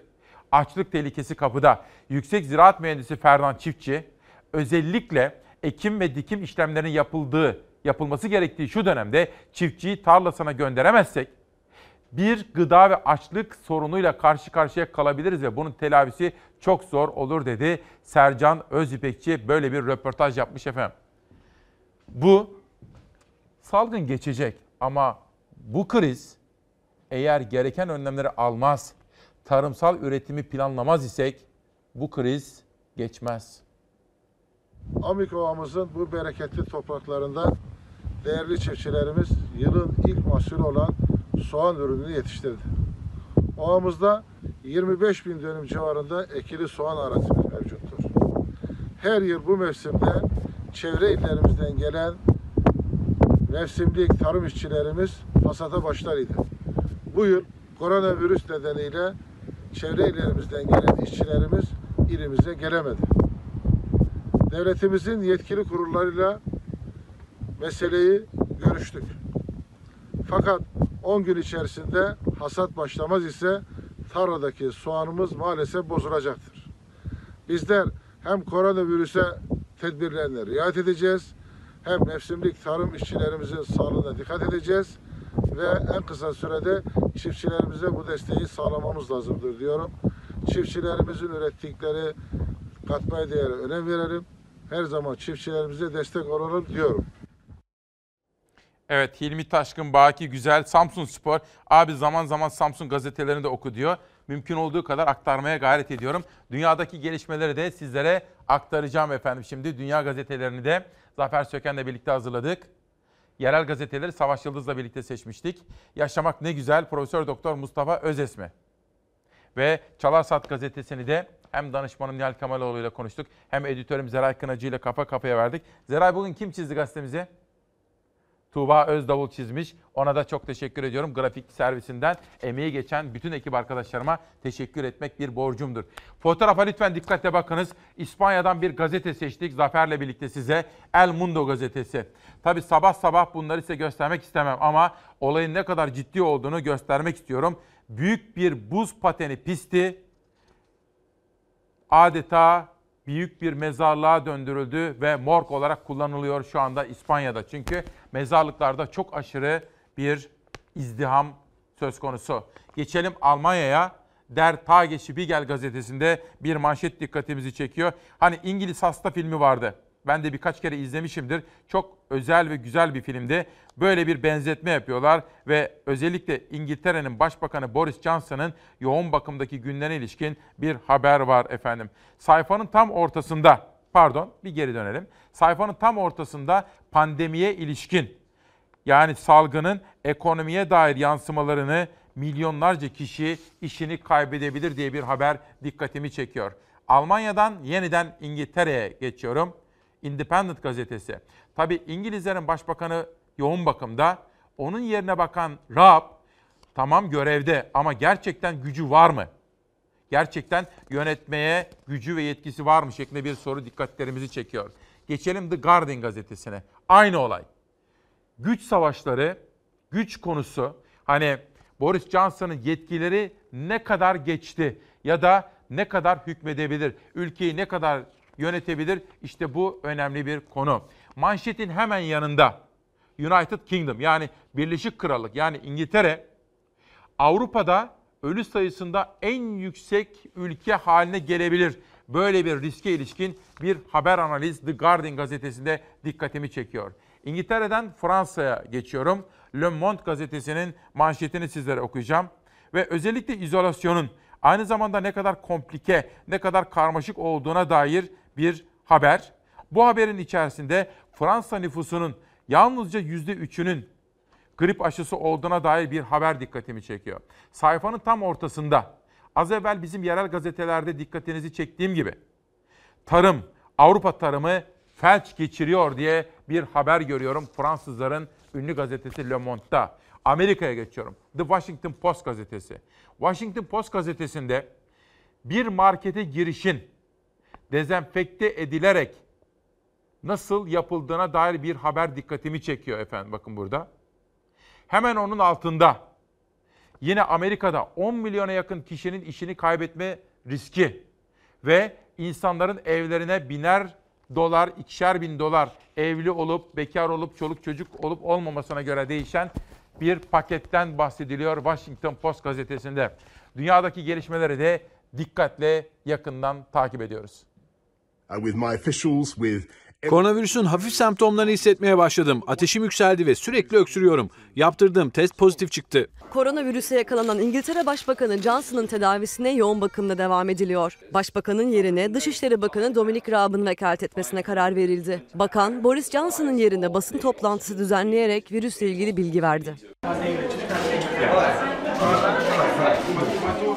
İlk haftalar tedbir almayan, okulları bile kapatmayan İngiliz hükümeti virüsün ciddiyetini öngöremedi. Salgın kontrolden çıktı. Koronavirüs testi pozitif çıkanlardan biri de sürü bağışıklığı yönteminin savunucusu Başbakan Boris Johnson'dı. Johnson 27 Mart'ta hastalığa yakalandı. Kendini karantinaya aldı. İngiliz lider başbakanlık konutundan bir tek sağlık çalışanlarına alkışla destek vermek için çıktı. Kendimi daha iyi hissediyorum ve 7 günlük tecrübe rağmen hala bir semptomum var. Küçük bir semptom. Hala ateşim var. Boris Johnson gösterdiği semptomlar artınca hastaneye kaldırıldı. Johnson'ın yerine Dışişleri Bakanı Dominic Raab yetkilendirildi. Bakan virüsle ilgili bilgi verdi, basının sorularını yanıtladı. Dominic Raab'ın gergin görüntüsü İngiliz basınında yer aldı. Boris Johnson'ın çizdiği koronavirüs mücadele planını harfiyen uygulayacağını ifade eden bakan günlük test hedefini 100 bin olarak açıkladı. Boris Johnson'ın daha çok test yapmak yerine esas çözüm olarak gösterdiği antikor testinin de henüz hazır olmadığını ifade etti. Liderler ve politikacılar Boris Johnson'a geçmiş olsun dileklerini iletti. Kanada Başbakanı Justin Trudeau ve Avusturya Başbakanı Sebastian Kurz sosyal medya hesaplarında paylaşımlarda bulundu. Amerika Başkanı Donald Trump da üzüntüsünü dile getirdi. Dualarımız onunla dedi. Trump basın toplantısında İngiltere Başbakanı'nın hastalığının şok etkisi yarattığını ifade etti. Başbakan Johnson salgın ülkesine geldiğinde önce bir süre bekledi. Ardından hızlı bir karar verdi, çok sıkı karantina uygulamaları getirdi. Ancak bütün İngiltere şu anda büyük bir acı çekiyor ve zor zamanlardan geçiyor. Boris Johnson'ı iyi tanırım. O inanılmaz biri. Hastalandığı haberini duymak gerçekten şok etkisi yarattı. Çünkü yoğun bakımdan bahsediyoruz. Çok korkutucu bir durum. İngiltere'de virüse bağlı can kayıpları 6000'i geçti. Vaka sayıları da artan testlerin etkisiyle yükseldi. Hasta sayısı 50 bine yaklaştı. Diş hekimleri evde oturuyor diyor Leyla Hanım. Serhat Bey bugünkü konuğunuz kim çok merak ediyorum diyor. Bizim konuklarımız sürpriz efendim. Biz önceden anons etmiyoruz. Çünkü nasıl herkes bizi izliyor. Şöyle vuralım maşallah ve sizlere teşekkür ediyorum. Onun için değil ama ben bu sabah sürprizi etkisini çok seviyorum. Kendimi de heyecanlandırıyor. Ama biz başka yerlerde kolay kolay göremediğiniz ve günün insanlarını en çok merak ettiğiniz hususları soracağımız kaynakları buraya davet etmeye çalışıyorum. Kimse hayvancılıktan bahsetmiyor diyor Els Rumuzlu bir arkadaşım. Bakın bu önemli. Bu soru bir daha geldi sabah. Ama bakın bu soruyu bir televizyon ekranında aktarmak istemiyorum. Dün tanıdığım birkaç kişi daha sordu. Bazı şeyleri tartışmamak gerekiyor. Bazı şeyleri tartışmak gerekiyor. Yani tartışırken üslubumuza dikkat etmemiz gerekiyor. Ama şunu söyleyeyim. İsminiz bende kalsın. Yalnızca Muharrem Sarıkaya'nın bugün iyi bir gazetecilik yaptığını, bir özel haber atlattığını söyleyeyim. Muharrem Sarıkaya Habertürk yazarı, Cumhurbaşkanı Yardımcısı Oktay'a sormuş bazı sorular. Milli yükümlülük çalışmamız yok. Hani tekalifi milliye, milli yükümlülükler, Gazi Mustafa Kemal Atatürk'ün uygulamalarından bahsediyorlardı ya. Devletimiz işgal altında, topraklarımız işgal altındaydı. Yedi düvelle savaşıyorduk Kuvayi Milliye zamanlarında. Heh. Muharrem Sarıkaya'nın sorusu üzerine Cumhurbaşkanı Yardımcısı Oktay böyle bir vergi veya ek çalışmamız kesinlikle söz konusu değildir diyor efendim. Bu kadarını söylemekte yetinelim. Muharrem Sarıkaya'yı da buradan kutlayalım meslek büyüğümüz. Çok başarılı bir iş yapmış. Kavga zamanı değil dedik. Şimdi yerel gazeteleri tamamladık. Tweetler kalmıştı efendim. Bir de sosyal medyadaki bazı manşetleri de sizlerin huzurlarınıza getirmek istiyorum. İstanbul Büyükşehir Belediyesi'ne 3 günde 266.470 ailemiz gıda yardımı talebinde bulundu. Bu durum süreçte birçok vatandaşımızın ciddi ekonomik zorluk yaşadığının en açık göstergesi. Cuma günü hayırseverlerin desteğiyle başlayan gıda kolisi dağıtımında İstanbul Belediye Başkanı olarak 500 bin koliyle halkımızın yanındayız dedi. Dün bir telefonum vardı. Geldi ismini söylemeyeceğim. Ama halıcılık alanında duayen bir isim. O ve eşi çok duyarlı, yurtsever. Ne oldu dedi. Bu yardım kampanyaları biz destek olmak istiyoruz. İstanbul'dayız. İstanbul Belediye Başkanı'na destek olmak istiyoruz. Yani onun bu gıda konusunda soracağım dedim. Merak etme onu da soracağım dedim. Şimdi ne yapıyoruz arkadaşlar? Ha, esnafın sesini duymanın ve duyurmanın tam zamanı. Geçen hafta geldi mesela faturamız. 704 lira geldi ve bunların hepsini şu anda şirket cebinden ödüyor. 3 ay esnaflardan fatura alınmaması lazım. Koronavirüs salgını nedeniyle binlerce esnaf kepenk indirirken dükkanını açanlar da giderleri için destek arayışına girerken TESK Başkanı Bendevi Palandöken de elektrik ve doğalgaz için Enerji Piyasası Düzenleme Kurulu'nun bazı abonelere geçmiş tüketim ortalamasına göre fatura göndereceğini açıklamasına tepki gösterdi. Çalışmayan dükkanın harcadığı elektriğin ortalama tüketimi mi olur? Akıl alır gibi değil. Deli dumrul vergisi gibi deli dumrul faturası mı ödeyeceğiz? Bütün esnaflar kapalı. Zaten sokaklarda insanlar da yok. Fotoğrafçı olarak hiçbir şekilde iş yapma olanağımız yok. Bizim makinamız kimyasallarla çalışıyor. 3 günde bir gelip makineyi açıp banyoların ısınması ve onların kimyasallarının düzelmesi lazım. Yoksa tamamen ölecek. Orta tarafı yaktım, makinamı bekliyorum. 3 saat sonra ısınınca kapatıp gideceğim. Serkan Altunalan da Ankara'da esnaf. Makinaların kontrolü için kepengi kaldırdı. Yani müşteri olduğu için değil ama iş olsa da olmasa da faturalar gelmeye devam ediyor. Türkiye'de kayıtlı 2 milyon 50 bin esnaf var. Salgın nedeniyle yarıdan fazlası dükkanına kilit vurdu. Son genelgeyle 500 bin esnaf zorunlu olarak dükkanını kapattı. 500 binden fazlası da müşteri olmadığı için kepengini indirdi. Dükkanını kapatmak zorunda kalan 1 milyona aşkın esnafa her ay karşılıksız asgari ücret kadar nakit para ödenmeli. Sözcü gazetesine konuşan TESK Başkanı esnafın ayakta kalabilmesi için geçici süreyle nakit para desteği istedi. 3 ay süreyle ve geri ödemesiz. Açıklanan paketlerle esnaf kısa çalışma ödeneğinden faydalandı. Kredileri, borçları, SGK ve vergileri ötelendi. Esnafa kredi limitleri açıldı ama yeterli olmadı. SGK primlerinin Nisan Mayıs ve Haziran ödemelerini 6'şer ay erteliyoruz. Neşen yerinde. Şirketlerimiz bankalar tarafından limit bitti denip başvurusu dahi alınmadan geri çevriliyor. Hatta koronavirüsten olumsuz etkilenen firmalarımız değil de kredibilitesi yüksek büyük firmalara kredi kullandırıldığı yönünde de eleştiriler var.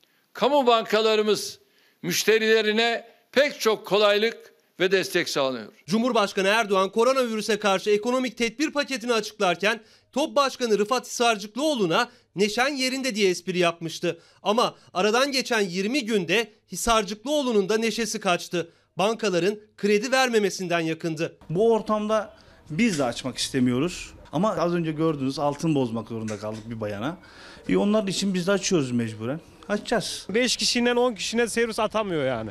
Dolansa belki toplam 2 kişi götürecek, 3 kişi gezecek. Hepsi 5 kişi. Mazotu kurtarmıyor yani. 2 haftadır ne evde para kaldı ne pul kaldı. Ya kuruş paramız yok. Yiyecek evde ekmek kalmadı. Dolmuş, taksi, otobüs ve nakliyeci esnafı da büyük sıkıntıda. Mazottaki ÖTV'nin kaldırılmasını ya da indirim istiyorlar. Devletten yardım istiyoruz. En azından mazotu bize indirimli versinler. Hepsi şoför bunların. Çalışmasın, ertesi gün aç. Bir yanda sorunlar, diğer yanda talepler. Esnaf koronavirüs günlerinde açıklanan ekonomik paketten aradığını bulamadı.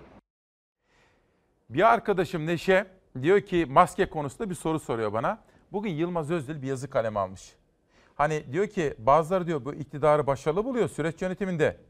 Başka detaya bile girmeyeceğim. Maske konusunda dünden bugüne kim ne söyledi, hangi politikaları izledi diye örnekler vermiş Yılmaz Özdil. Başarılı bulanlar diyor maske ile ilgili tutarsızlıklara dikkat etsin diyor. Şimdi bir arkadaş da diyor ki Allah aşkınıza bir bakar mısınız? Ya benim için de kolay mı? Ben normalde biliyorsunuz cıvıl cıvıl bir insanım, neşeliyim. Ama bu haberleri sunmak zorundayım. Çünkü biz akışımızı değiştirdik. Bakın bugün de 10.45'e kadar devam edeceğiz. Çünkü kanalımız böyle bir karar aldı. Doğru bir karar. Çünkü halkımızın güvenilir bilgiye ihtiyacı var. Halkımızın haber alması için belki de tek haber kaynağı biziz artık. Ama bakın yukarıda, neyse telefon numarasını saklayayım şöyle. Yuh arkadaş insan bir müzik molası verir diyor. Ha, alttakiler gözükmesin diyor. Tabii Hilal de çok akıllı. Müzik molası istiyorlar. Verebilirim. Peki ben de ya benim de ruhum müzik ister, şiir ister, kitap ister. Ama önce bir kitap tanıtmak isterim. Dünya kenti Antalya'm, şiir Ramazan Ekin. Bakın Antalya'nın dünya çapında. Atamız ne demiştir bilirsiniz. Söyleyin bana ne demiştir atamız? Evet. Hiç şüphesiz ki Antalya dünyanın en güzel kentidir demiştir. Levent Dikmen, evrendeki en muhteşem canlı kitap insandır diyor. Bana bu kitabı yollamış. Metehan diyeceğim, Ankara diyeceğim, Tunalı diyeceğim, Kavaklıdere diyeceğim, Mehmet Kemaloğlu diyeceğim. Gece silmiş her şeyi Sanki hepsi bugün değildi Protesto, kavga, aşk ve gasp Polisler ve göçmenler bile gitti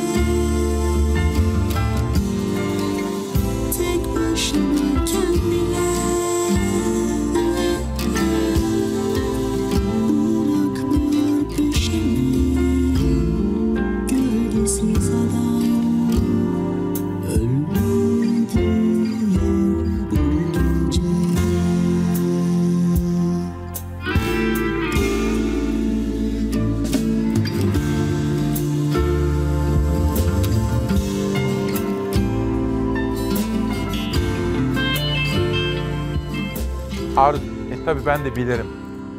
Arzu Hanım diyor ki teşekkür ediyor. Efendim teşekkürü bana değil. Bana Doğan Şentürk yönetimindeki bütün Fox Haber ailesine, bütün ekip arkadaşlarıma bakın kameramandan rejisine, grafiğine kadar, dışarıdan bana yardımcı olan danışmanıma kadar. Ama Doğan Şentürk yönetiminde Türkiye'nin bağımsız ve tarafsız kanalına ve Cenk Soner bizim buralarda sağlık içerisinde, güvenlik içerisinde yayın yapmamıza olanak sağlayan yönetim kurulumuza ve genel müdürümüze teşekkür edelim. Biz sorumluluğumuzun, omuzlarımızdaki yükün ne kadar farklı olduğunu, fazla olduğunu biliyoruz efendim. Doğan Bey, günaydın otobüs şoförleri unutuldu İsmail Bey diyor. Bir arkadaşım, Onarlı kardeşler, Aydın Didim'de işten bazılarının atıldığını söylüyor. Firmanın adını veriyor, firmanın adını vermiyorum ama takip listeme alacağım efendim. Cumhurbaşkanı Erdoğan açıklamıştı. İstanbul'da sahra hastanelerinin yapımına başlandı. Geçelim. Rıfat Sarcıklıoğlu bu sözleri biraz evvel sizlere çok detaylı olarak aktarmıştım. Geçelim. Bankalara ilişkin eleştiriler. Levent Gültekin 18 yıldır iktidarda kasırga kapıya dayanmış tarım kurulu oluşturuyor. Üretim seferberliği başlatıyoruz diyor. İnsan gerçekten hayret ediyor diyor bir eleştirel bakış açısı. Çevre ve Şehircilik Bakanı kurum araçların egzoz gazı emisyon ölçümü süresi ertelendi. Bu konuda koronavirüsle ilgili mücadele kapsamında şikayetler geliyordu. Bakanlık doğru bir karar vermiş. Trump vatandaşlarına ikinci bir ödeme daha yapabileceklerini ifade ediyor. Bence itibardan tasarruf etmemek budur. İsmail Saymaz 2 trilyon dolarlık bir paket açıkladılar ama yetmedi. Vatandaşlarına ek teşvikler verecek Amerika. İsmail Bey merhaba. Çarşamba Biyokütle Santrali için Samsun Valiliği'nin ÇED gerekli değildir kararına karşı takip ettiğimiz davada Samsun 3. İdare Mahkemesi nihai kararını verdi. Hukuk dersi. Samsun ili Çarşamba ilçesi Eğercili Mahallesi'nde kurulması planlanan Biyokütle Enerji Santralı'nın iptali için Samsun İdare Mahkemesi'ne takip ettiğimiz davamızın kabulüne ve ÇED gerekli değildir şeklindeki valilik işleminin iptaline karar verilmiştir diyor. Bu da çevre dostlarını sevindirdi. Şimdi bir habere gidiyoruz PTT. Sonra buraya bir sürpriz konuk geliyor. E-Devlet şifresi almaya geldim. İnternet üzerinden başvurdum olmadı. Telefonla aradım maalesef ulaşamadık. Muhtemelen yoğunluktan ötürü çökmüş. E bir de şansımı postane deneyeyim dedim ama maalesef onlar da veremiyormuş. Bugün en azından bugün için öyleymiş. Bilgi edinemediğimiz için ne yaptık? Biz de sokağa çıktık. Yani bu da bir risk. Sonuçta evde yaşlı bir insan var. Çalışanların üzerindeki iş yükünü çöken sistem ortaya koydu. Telefonlar da kilitlendi. Son çare şubelere gitmek olunca PTT önlerinde yoğunluk da fazlaydı, güvenlik önlemleri de. Kalabalık dağıtılmaya çalışıldı ama PTT çalışanlarının gişedeki yoğun mesaisine bir de devletin salgın kapsamındaki hizmetleri eklendi. PTT çalışanları kapıya kadar gelecek ama onlar gelmeden aklında sorusu olan, çaresiz kalan, internet kullanamayan yine PTT'nin önündeydi. Eğer vatandaşlık lazımmış, internet lazımmış. Onu da çoğu vatandaş bilmiyor. Ha, geldik bekliyoruz nasıl olduğunu da bilmiyoruz. E, adresinizi veriyorsunuz. Adrese geliyormuş yani. Oğlum asker ona para yatırmak için geldim. Parasını yatıracağım orada parasız kalmış. Görüldüğü gibi ikramiye ödemelerinden internet üzerinden yapılması gereken tüm işlemler için gerekli olan e-devlet şifresine ve hatta ücretsiz maske dağıtımına kadar bugünlerde en fazla mesai yapan kamu kuruluşlarından birisi PTT. Şu anda açık olan bir şubesindeyiz ve işte manzara tek sıra halinde gerekli önlemler alınmış bariyerlerle. Biz de biraz anlayışlı olmamız lazım. Sadece poliste potede değil kardeşim üstüne yoluyor millet. Anlamıyor ki. E senin sağlığın için uğraşıyor herkes. E demin yüzüme burada bir tanesi öksürdü, tiksildi gitti bak şimdi yüzüme. Bugün iş gücü fazla olan postane çalışanlarına emniyet güçleri de destek veriyor. Sıra konusunda onlar da gerekli ikazları, uyarıları yapıyor. Sosyal mesafe kurallarına dikkat edilmesi önemli. Yine herkes maskesiyle PTT'nin önünde sıraya girdi. Aslında bu sıranın oluşmasına neden olan en büyük sebeplerden biri de e-devlet şifresi. İnternet hiç kullandınız mı? Nasıl? İnternet hiç kullandınız mı? Yok hiç anlamam internet kullanmaktan. Şimdi e-devlet şifresini alınca nasıl yapacaksınız? Bu işe bir, bir milyon verecekler ya onun için lazımmış herhalde. İş kurup üzerinden işsizlik ödeniyor diyecek. Biz de bunları e, götüreceğiz. Bunlar PTT üzerinden gerçekleşecek. gişe çalışanları sürekli risk altında çünkü yüzlerce vatandaşla e, temas halindeler. E, Bizler e, dağıtıcılar olarak e, PTT personeli gişede çalışan olarak virüs taşıyıcı olmak istemiyoruz. Habersen Genel Merkezi Hukuk Sekreteri Yaşar Polat tüm bu hizmetlerin dışında bir yandan da hala bazı ceza tebligatlarını ulaştırıyor adreslere. Yaklaşık 40 bin çalışan olan PTT'de 15.427 dağıtıcının 8 bini taşeron. MHP meclise taşıdı, özlük hakları için çağrı yaptı. CHP İstanbul İl Başkanı Canan Kaftancıoğlu da sorunları şube başkanlarından Gülseren Güngördü'den dinledi. işte süt izni olanlar, işte anaokulu ve kreşte olan e, annelerin e, çalışmasına normalde idari izne bağlanması gerekiyordu. Taşeron firma elemandaki kadın arkadaşlara böyle bir e, uygulama götürülmedi. Ücretli izinde olanlar bu idari izinden kaynaklı onlar tekrar çağrıldı. Kapalı olan PTT'lerde ise işlem yapılmıyor anlamına gelmesin. Çünkü orada da kargo çalışanları mesai başında. Ve onların da bir ricası var. Zaruri ihtiyaçlarının dışında kargo siparişi vermesinler. Halkımız daha duyarlı olursa bu konuda da seviniriz.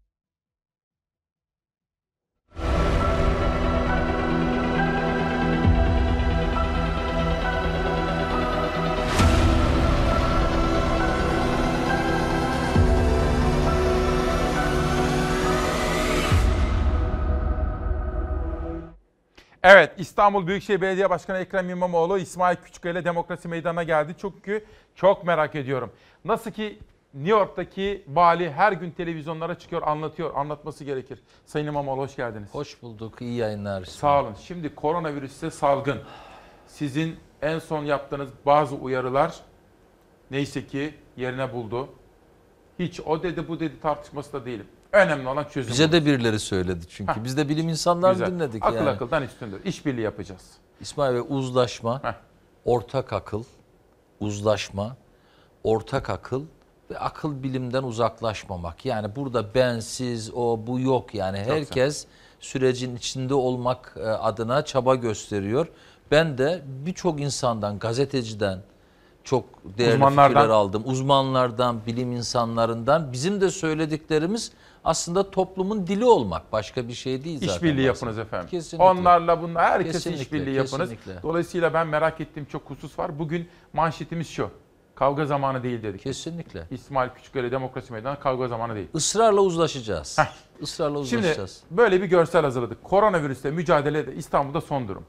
Bugün itibariyle İstanbul'da 18 milyon insanın yaşadığı, Türkiye'de hangi kentte olursak olalım İstanbul'da bir akrabamızın yaşadığı bu kentteki en son durumu sizden dinliyoruz.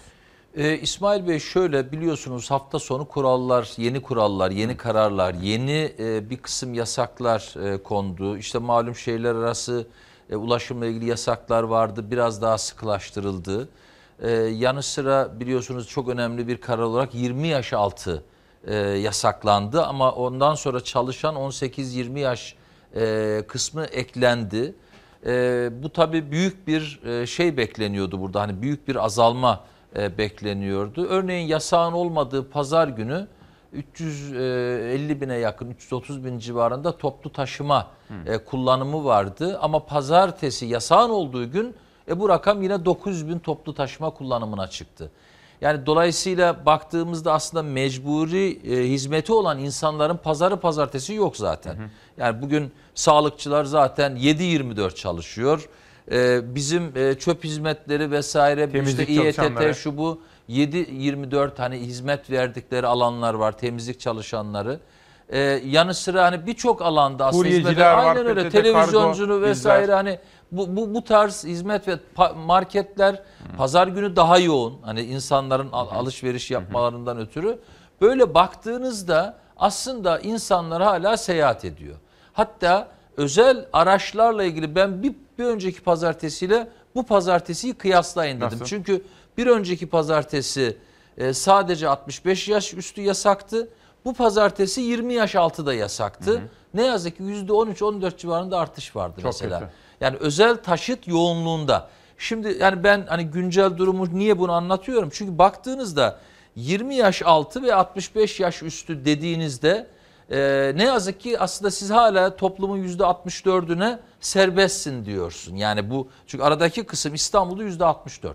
Bir dakika. 20 ile 65 yaş arası. Yani 20 yaşından itibaren 65 60 yaşına yani kadar 21 64 diyelim. Toplumun üçte ikisi. Yüzde 64. İstanbul'da. Aynen Oo. öyle. Dolayısıyla Kötü. aslında biz yasakladığımız kısım yani biz Avrupa değiliz. Avrupa'nın yüzde e, 22 Yaşlı. 23'ü 65 yaş üstü ama bizde öyle değil.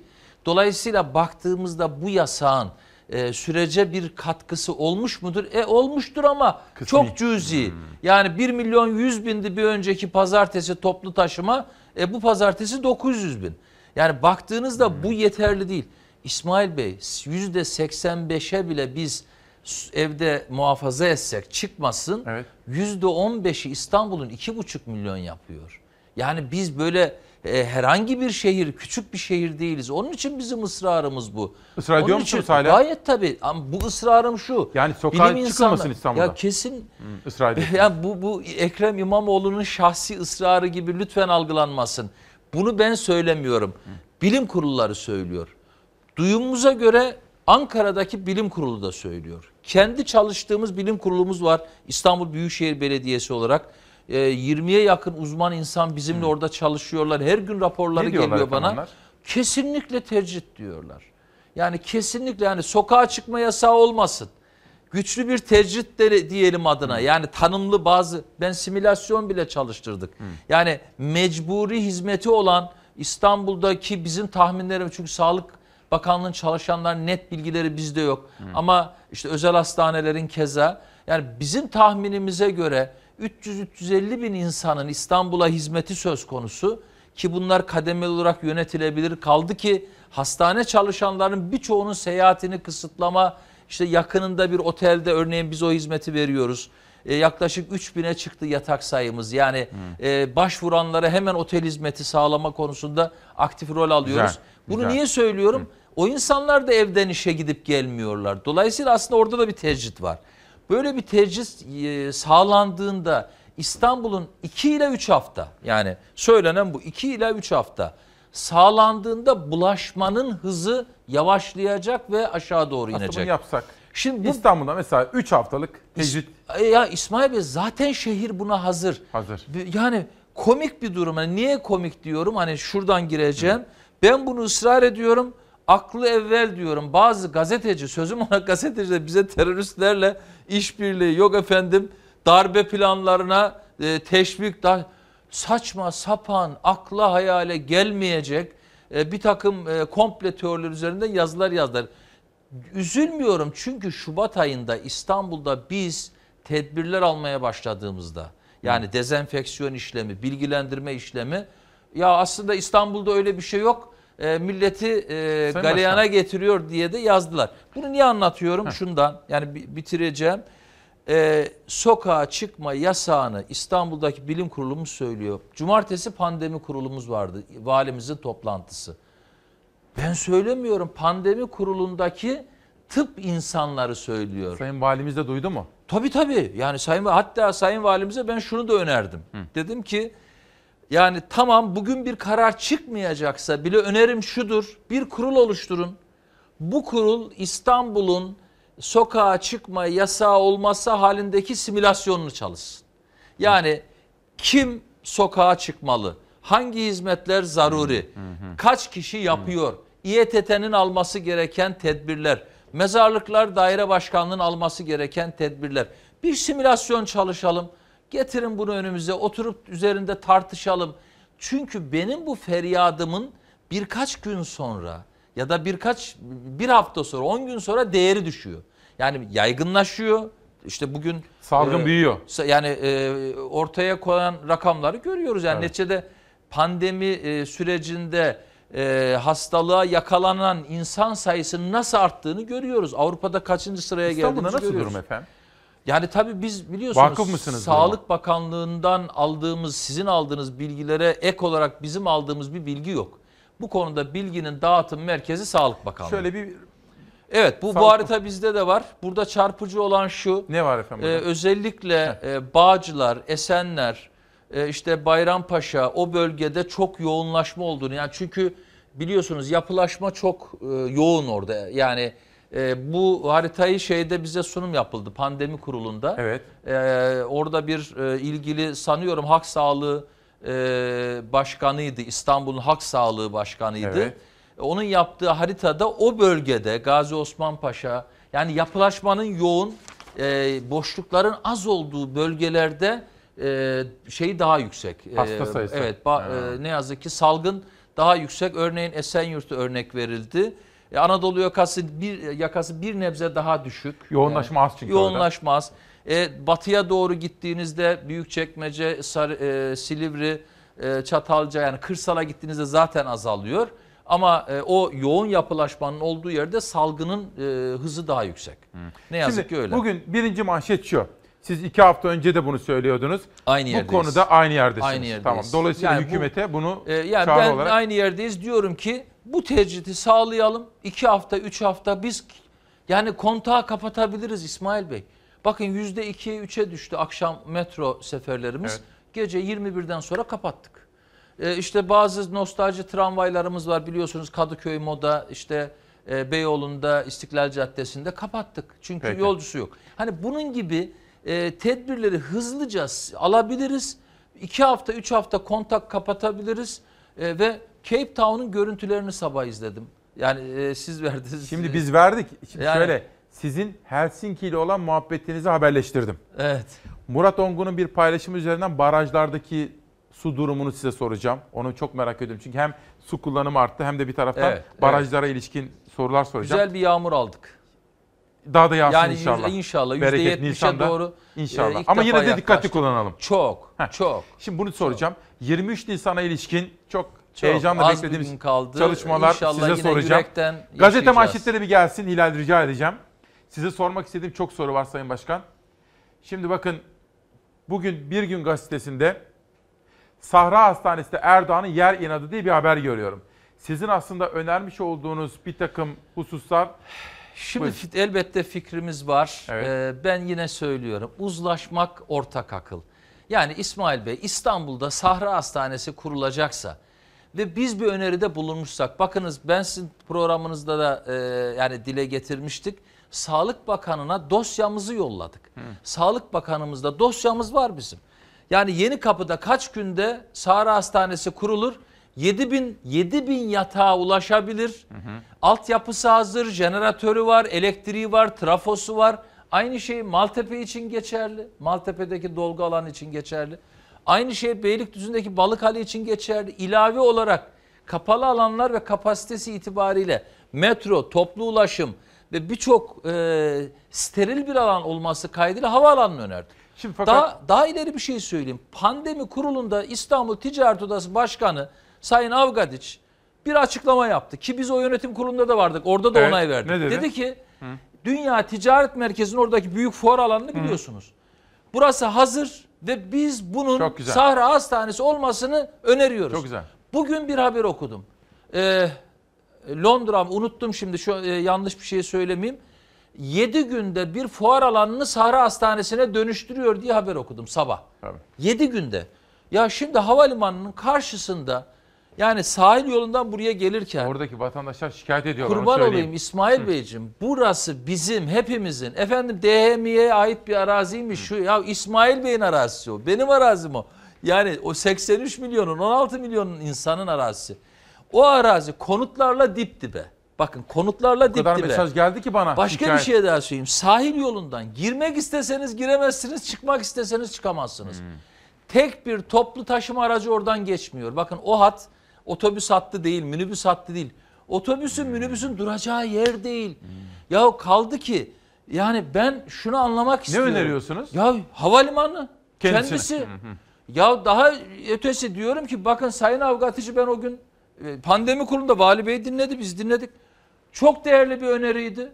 Ve yani böyle teşekkür etti. Çünkü elektronik ortamda katıldık. Yani fiziki teşekkürüm yoktu ama hani içimden teşekkür ettim. Güzel bir fikir. Kaldı ki biz de o yönetim kurulundayız. Biz de onay verdik. Fuar merkezi. Karşı taraf ya Sancaktepe'de e, bu alanın bakın size söyleyeyim yerel yönetimi de dahil Sancaktepe halkı da dahil oradan memnun değil. Peki. Daha doğru alanlar var İstanbul'da. Bunu beraber yapabiliriz. Tekrar söylüyorum. Uzlaşma ortak akıl. İşbirliği Bu yapın kadar istiyoruz. işbirliği. Ben vatandaş olarak Bizi sizleri çağırın, işbirliği... Heh. gelelim anlatalım fikirlerimizi. Peki. Bir mola vereceğiz efendim. Tabii ki.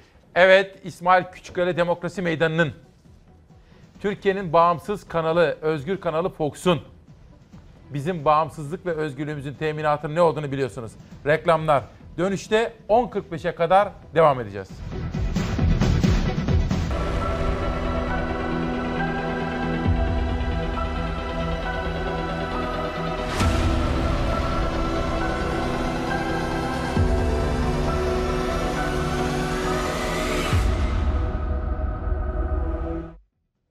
Korona günlerinde habercilik. 8 Nisan 2020 günlerden çarşamba İsmail Küçükkaya ile Demokrasi Meydanı'ndasınız. Türkiye'nin bağımsız ve tarafsız kanalı Fox'ta İstanbul'un seçilmiş belediye başkanı Ekrem İmamoğlu'yla İstanbul'daki en son durumu konuşuyoruz.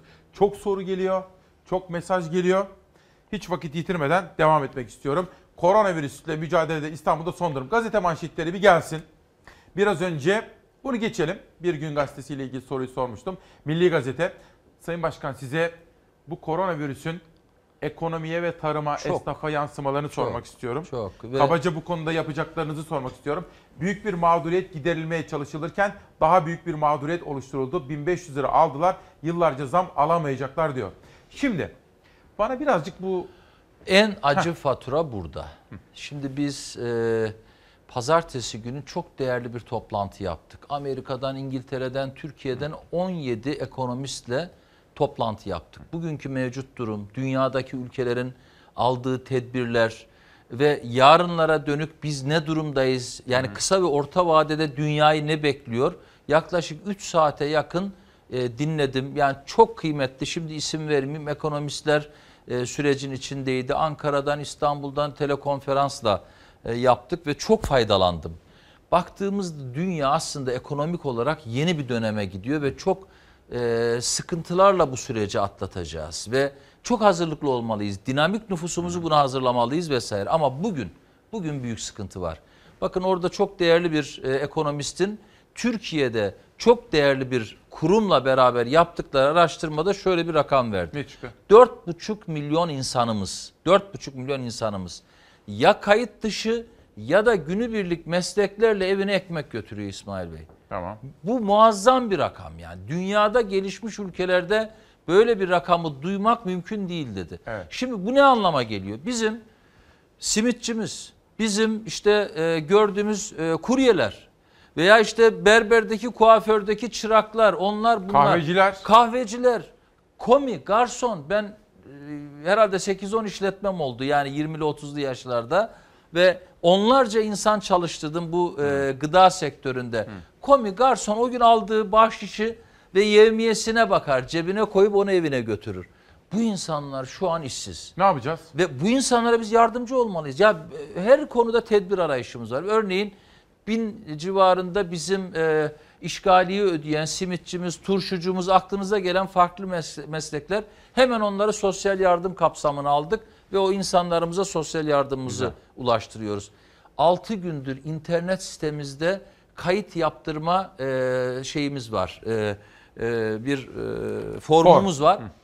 Bugün sayı ne oldu biliyor musunuz 6 günde? 370 bin başvuru. 370 Bir bin başvuru. İstanbul Büyükşehir, Büyükşehir Belediyesi'ne. Aynen öyle. Koronavirüsten sonra 6 gün. yardıma Altı ihtiyacım var diyerek başvuranların sayısı. 370 bin. Bu bir manşet. Şimdi büyük bir rakam bu. Ve bu sabah buraya Hepsine geldiğimde destekli- yani girmeden önce aldığım son rakam. Hepsine destek olabilecek gücünüz Şimdi var mı? e, bugün 500 bin e, koli hazırlığı ile ilgili ihalemiz var. Saat 12'de canlı yayında vereceğiz. E, 500 bin koli hazırlıyoruz. Sosyal yardımlarımızı 375 milyon lira arttırdık. Yani 400 milyondan 775 milyona çıkarttık. Yeteceğini düşünmüyorum. Daha fazlasında meclis kararımız var. Meclis onayımız gerekiyor. Yani meclis onayı gerekiyor. Çünkü bütçenin %3'ünü aşa bir aşamıyorsunuz. şey soracağım. Özür dilerim Estağfurullah. kestim. Dün telefonum çaldı. İsmini söyleyemem. Herkes tanır. Duayen bir iş insanı. Yaşı büyük. Yaş almış. Karısı da oradaydı. Duyuyorum sesini. Bu yardım kampanyası ne oldu evladım dedi. Durdurdular bunu. Ben destek olmak istiyorum. Belediyeye destek olmak. Herkes İsmail bir yere... Bey. Ne oldu efendim? Nasıl İsmail destek Bey. olacaklar size? İsmail Bakın Bey. kavga için sormuyorum. Tabii hani ki. Şunu söyleyeyim. olayım. Çözüm Bakın, söyleyin bana. Ya benim zaten ya yardımlaşmanın kavgası olur mu İsmail Bey? Yani biz devletimizin açtığı bir kampanya var. Saygı duyuyoruz.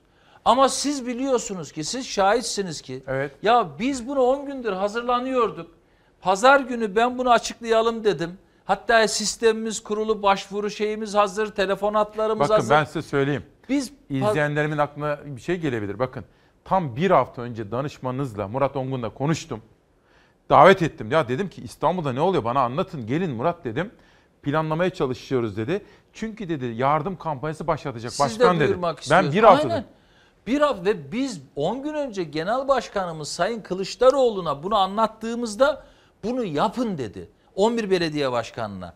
Yardımlaşma duygusu yüksek, insanların vicdanını harekete geçirmek hamlesidir bu dedi. Bunu yapın dedi. Bize talimat verdi. Peki şimdi ne olacak? Şimdi bunu şuna, Nasıl şunu destek olacaklar? Şimdi bugün geldiğimiz noktada ne oldu? Bizim işte kampanyamıza dur dediler. 6,5 milyon civarında para toplandı. 24 saat bile değil. Evet. Ki engelleme 12.604 kişi yardım etti.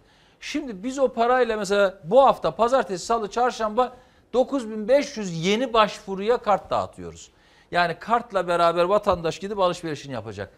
Bize şu an bağış olmuyor mu? Oluyor. Farklı yön- yönlerde işte aynı bağışlarını getirenler oluyor. Teslim alıyoruz. Ya belediyeye bağış yapılır. 5393 yasa net. Yani buna kimse engel olamaz. Bu Türkiye'nin anayasası. Yani Türkiye'nin anayasası diyor ki evet belediye bağışta. Evet ne deniyor? E işte belediyeler yanlış bağış alıyorsunuz diyorlar bize. Doğrusunu Gaziantep yaptı diyorlar. Konya yaptı diyorlar. Peki yani konu şu mu? Yani yöntem yanlış. Çözelim kardeşim. Bunu ben bakanlarla konuştum. Çözelim. E garanti veremeyiz. Sonra başka bir açıklama. Devlet içinde devlet olmaz. Ya yapmayın. Belediye devletin sağdaki en uçtaki elidir. Devlettir belediye. Yani devletin hasıdır belediye. Yani belediye devlettir. Kaymakamlık devlettir. Efendime söyleyeyim valilik devlettir. Peki. Bakanlık devlettir. Şu anda biz vatandaşlarımızdan evet belediyenin 5393'e göre yine belli usullerle gelen bağışlarını alıyoruz. Alıyor musun? Tabii tabii Tamam, bizimle peki. irtibata geçebilirler. Ancak ancak bir kampanya modeli konusunda önümüze set kurdular. Ben de diyorum ki yapmayın. Bunu yapmayın. Bu insanlar en kolay nereye ulaşabilirse, en kolay nereye arayabiliyorsa devletin kurumları, bakın devletin kurumları. Ben size bir şey söyleyeyim. Valilikten izin alan vakıflar var. Bizim de başvurumuz var. İstanbul Vakfımız var bizim. Yani bildiğiniz vakıflar. İsim vermeyeceğim burada. Valilik izin veriyor. Para toplayabiliriz. Başvuru şu. Covid döneminde diyeceğim. vakıf olarak para toplayabilir Siz miyiz? belediye olarak bu Sayın Soylu'nun söylediği gibi İçişleri Bakanı valiye başvursanız ne olur? Başvurun. Ya İsmail Bey ben de söylüyorum. Evet. Mesela vakfımız adına başvurumuz var. İstanbul Vakfı belediyenin vakfı. Evet. Hem de Sayın Cumhurbaşkanı Sayın Erdoğan'ın geçmişte kurduğu vakıf. Başvurumuz var. Pazardan beri bekliyoruz. Onaylanmadı mı? Daha bekliyoruz. Soylu'ya söylemediniz mi konu- konuşmada? Ya, ya Soylu'ya biz Sayın Bakan'a biz şeyi anlattık. Yani bu mevcut durumu konuştuk. Peki. Ama şimdi orada ikili bir şey var, sohbet var. Bir, metot yanlış. Düzeltelim efendim. Düzeltelim, Tamam. beraber düzeltelim. Tamam. E bir yollayın bakarız. Ya niye bakarız? Peki bu ise eğer düzeltelim. Ama yok. Devlet içinde devlet olmaz. Hani lafıysa bize gönderilen yanlış. Biz devletiz. Çünkü belediye devlettir. ya. Devletiz Peki. yani. Geçelim Hani bir sonraki şunu, Son maçı. şunu söyleyeceğim. Vatandaşımızın yardımlaşma duygusuna katkı sunalım. Peki. Vicdanları birleştirelim. insanların yardıma ihtiyacı var. Peki. Size sormak istediğim bir soru var. Savaş geçebilir miyiz Pencere Gazetesi'ne? Şimdi ben bunu anlayamadım. Size sormak istiyorum. Pencere Gazetesi'nde Yavuz Ohan yönetiyor gazeteyi. İstanbul'da tablo ne durumda sorusuna İstanbul Belediye Başkanı İmamoğlu bu yanıtı verdi. Bilmiyorum. Ne demek? Yani bu kısmı şu. Bana İstanbul'daki tablo ne? Ee, ben dedim neyi soruyorsunuz? O da kendisi hani pandemi süreci ne durumda? Ne kadar e, vaka var? Ne kadar işte e, tedavi edildi? Dedim ki bakın bu konularda açıklama merciği Sağlık Bakanlığı. Yani biz İstanbul'a özel bir alana hakim değiliz. Peki. Yani ancak Sağlık Bakanlığı açıklarsa biz oradan alırız. Bu konuda ha bunun merkezi bir noktadan açıklanması böyle bir sürecin bakın yanlıştır demiyorum. Ancak belli bir bölümünde İstanbul açıklanmalı. Niçin açıklanmalı? Her gün sabah açıklanmalı. Durumun vahametini anlamalıyız. İstanbul bu işin merkezi. Bakın ben yüzde 60 dedim sizin programınızda Evet, hatırlayın. bakan da dedi. 3 gün sonra yüzde 60 dendi. Evet. Şimdi Bu, bu yüzde 60 eğer İstanbul'da yaşanıyorsa Türkiye'de koronavirüs bizim İstanbul'a özel bilgileri her gün edinmemiz lazım. Şimdi geliyor o da. Türkiye gazetesinde böyle bir manşet gördüm. Size sormak için ayırdım. İhlas grubunun gazetesi Türkiye'de Anadolu'daki uzmanların İstanbul'a kaydırılması planlanıyor. Takviye doktor gücü Damla Peker'in manşeti. Koronavirüse karşı 2000 yataklı iki dev hastanenin kurulmaya başladığı İstanbul'a taşradan uzman sağlık personelinin göndermesi düşünüyor. Ben bu soruyu Ekrem İmamoğlu'na soracağım. Ama önce hastanelere ilişkin hazırladığımız kısa bir haber var. Haberi izleyelim. Dönüşte Belediye Başkanı İmamoğlu yorumlasın. yoğun bir çalışmayla Yeşilköy Atatürk Havalimanı'nın alanını ki bin hastanelik orada şu anda bir plan proje çalışması hızla devam ediyor.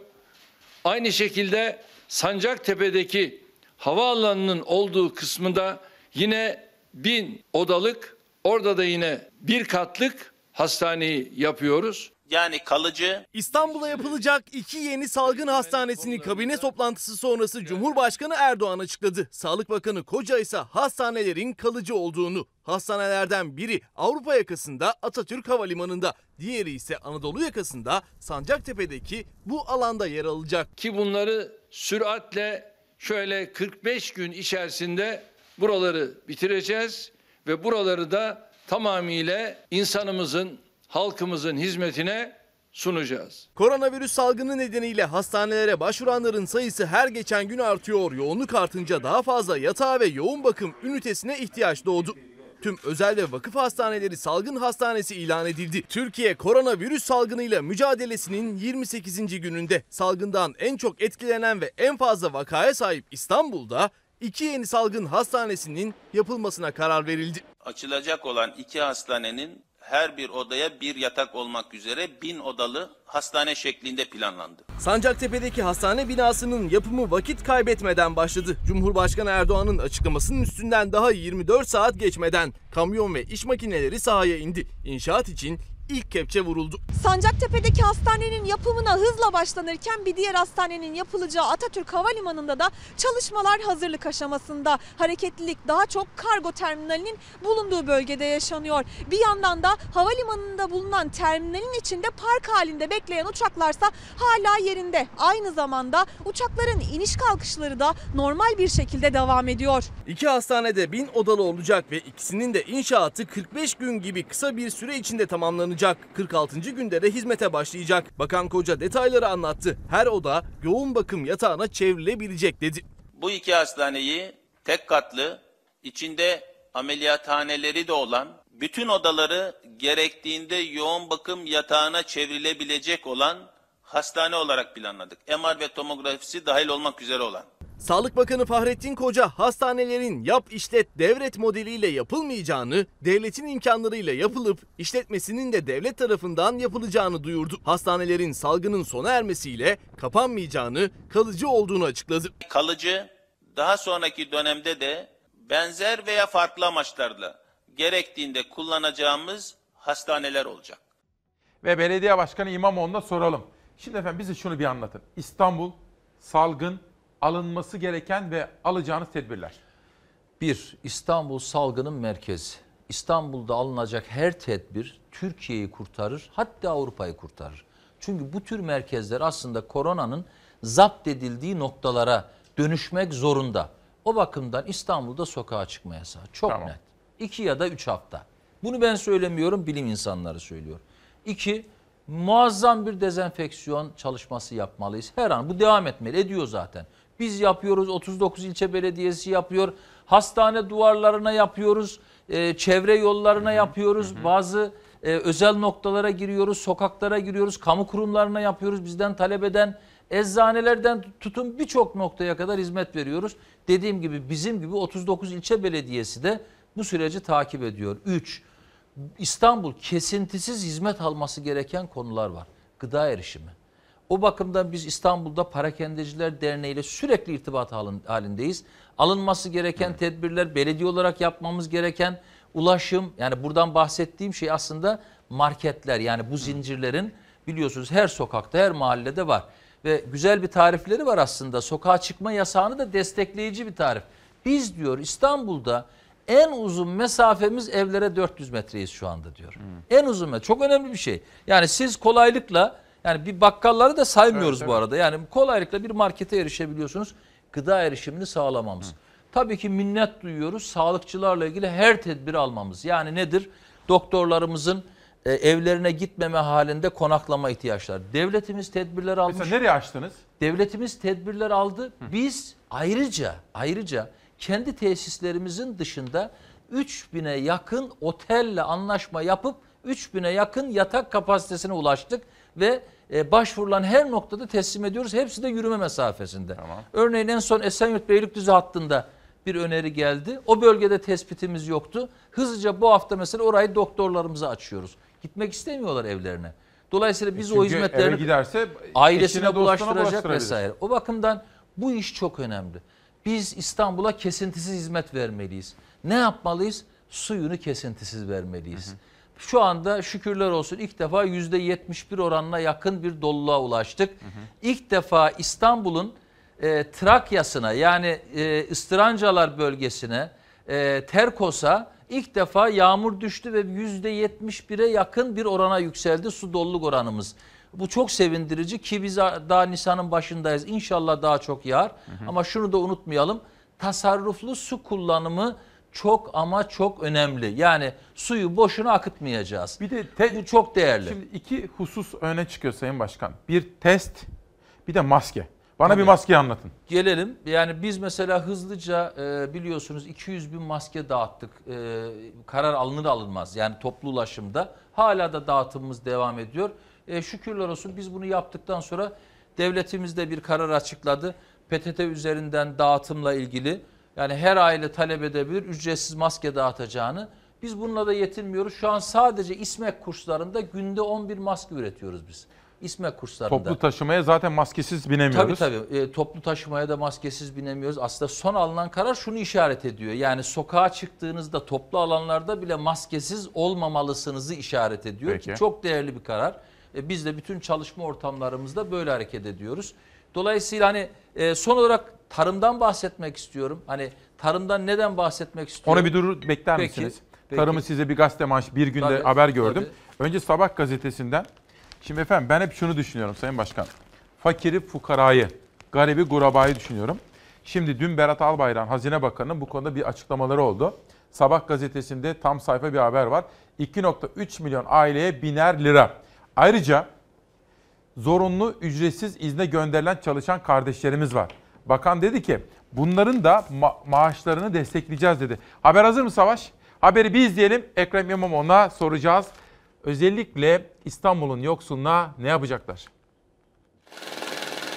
Bizim birinci önceliğimiz hiçbir vatandaşımızın işini kaybetmemesi için mücadele sürdürüyoruz. Koronavirüs salgınıyla mücadelede sadece sağlık alanında değil, ekonomi cephesinde de pandeminin etkilerini azaltmak için çalışmalar sürüyor. Hazine ve Maliye Bakanı Berat Albayrak destek paketlerinin detaylarını anlattı.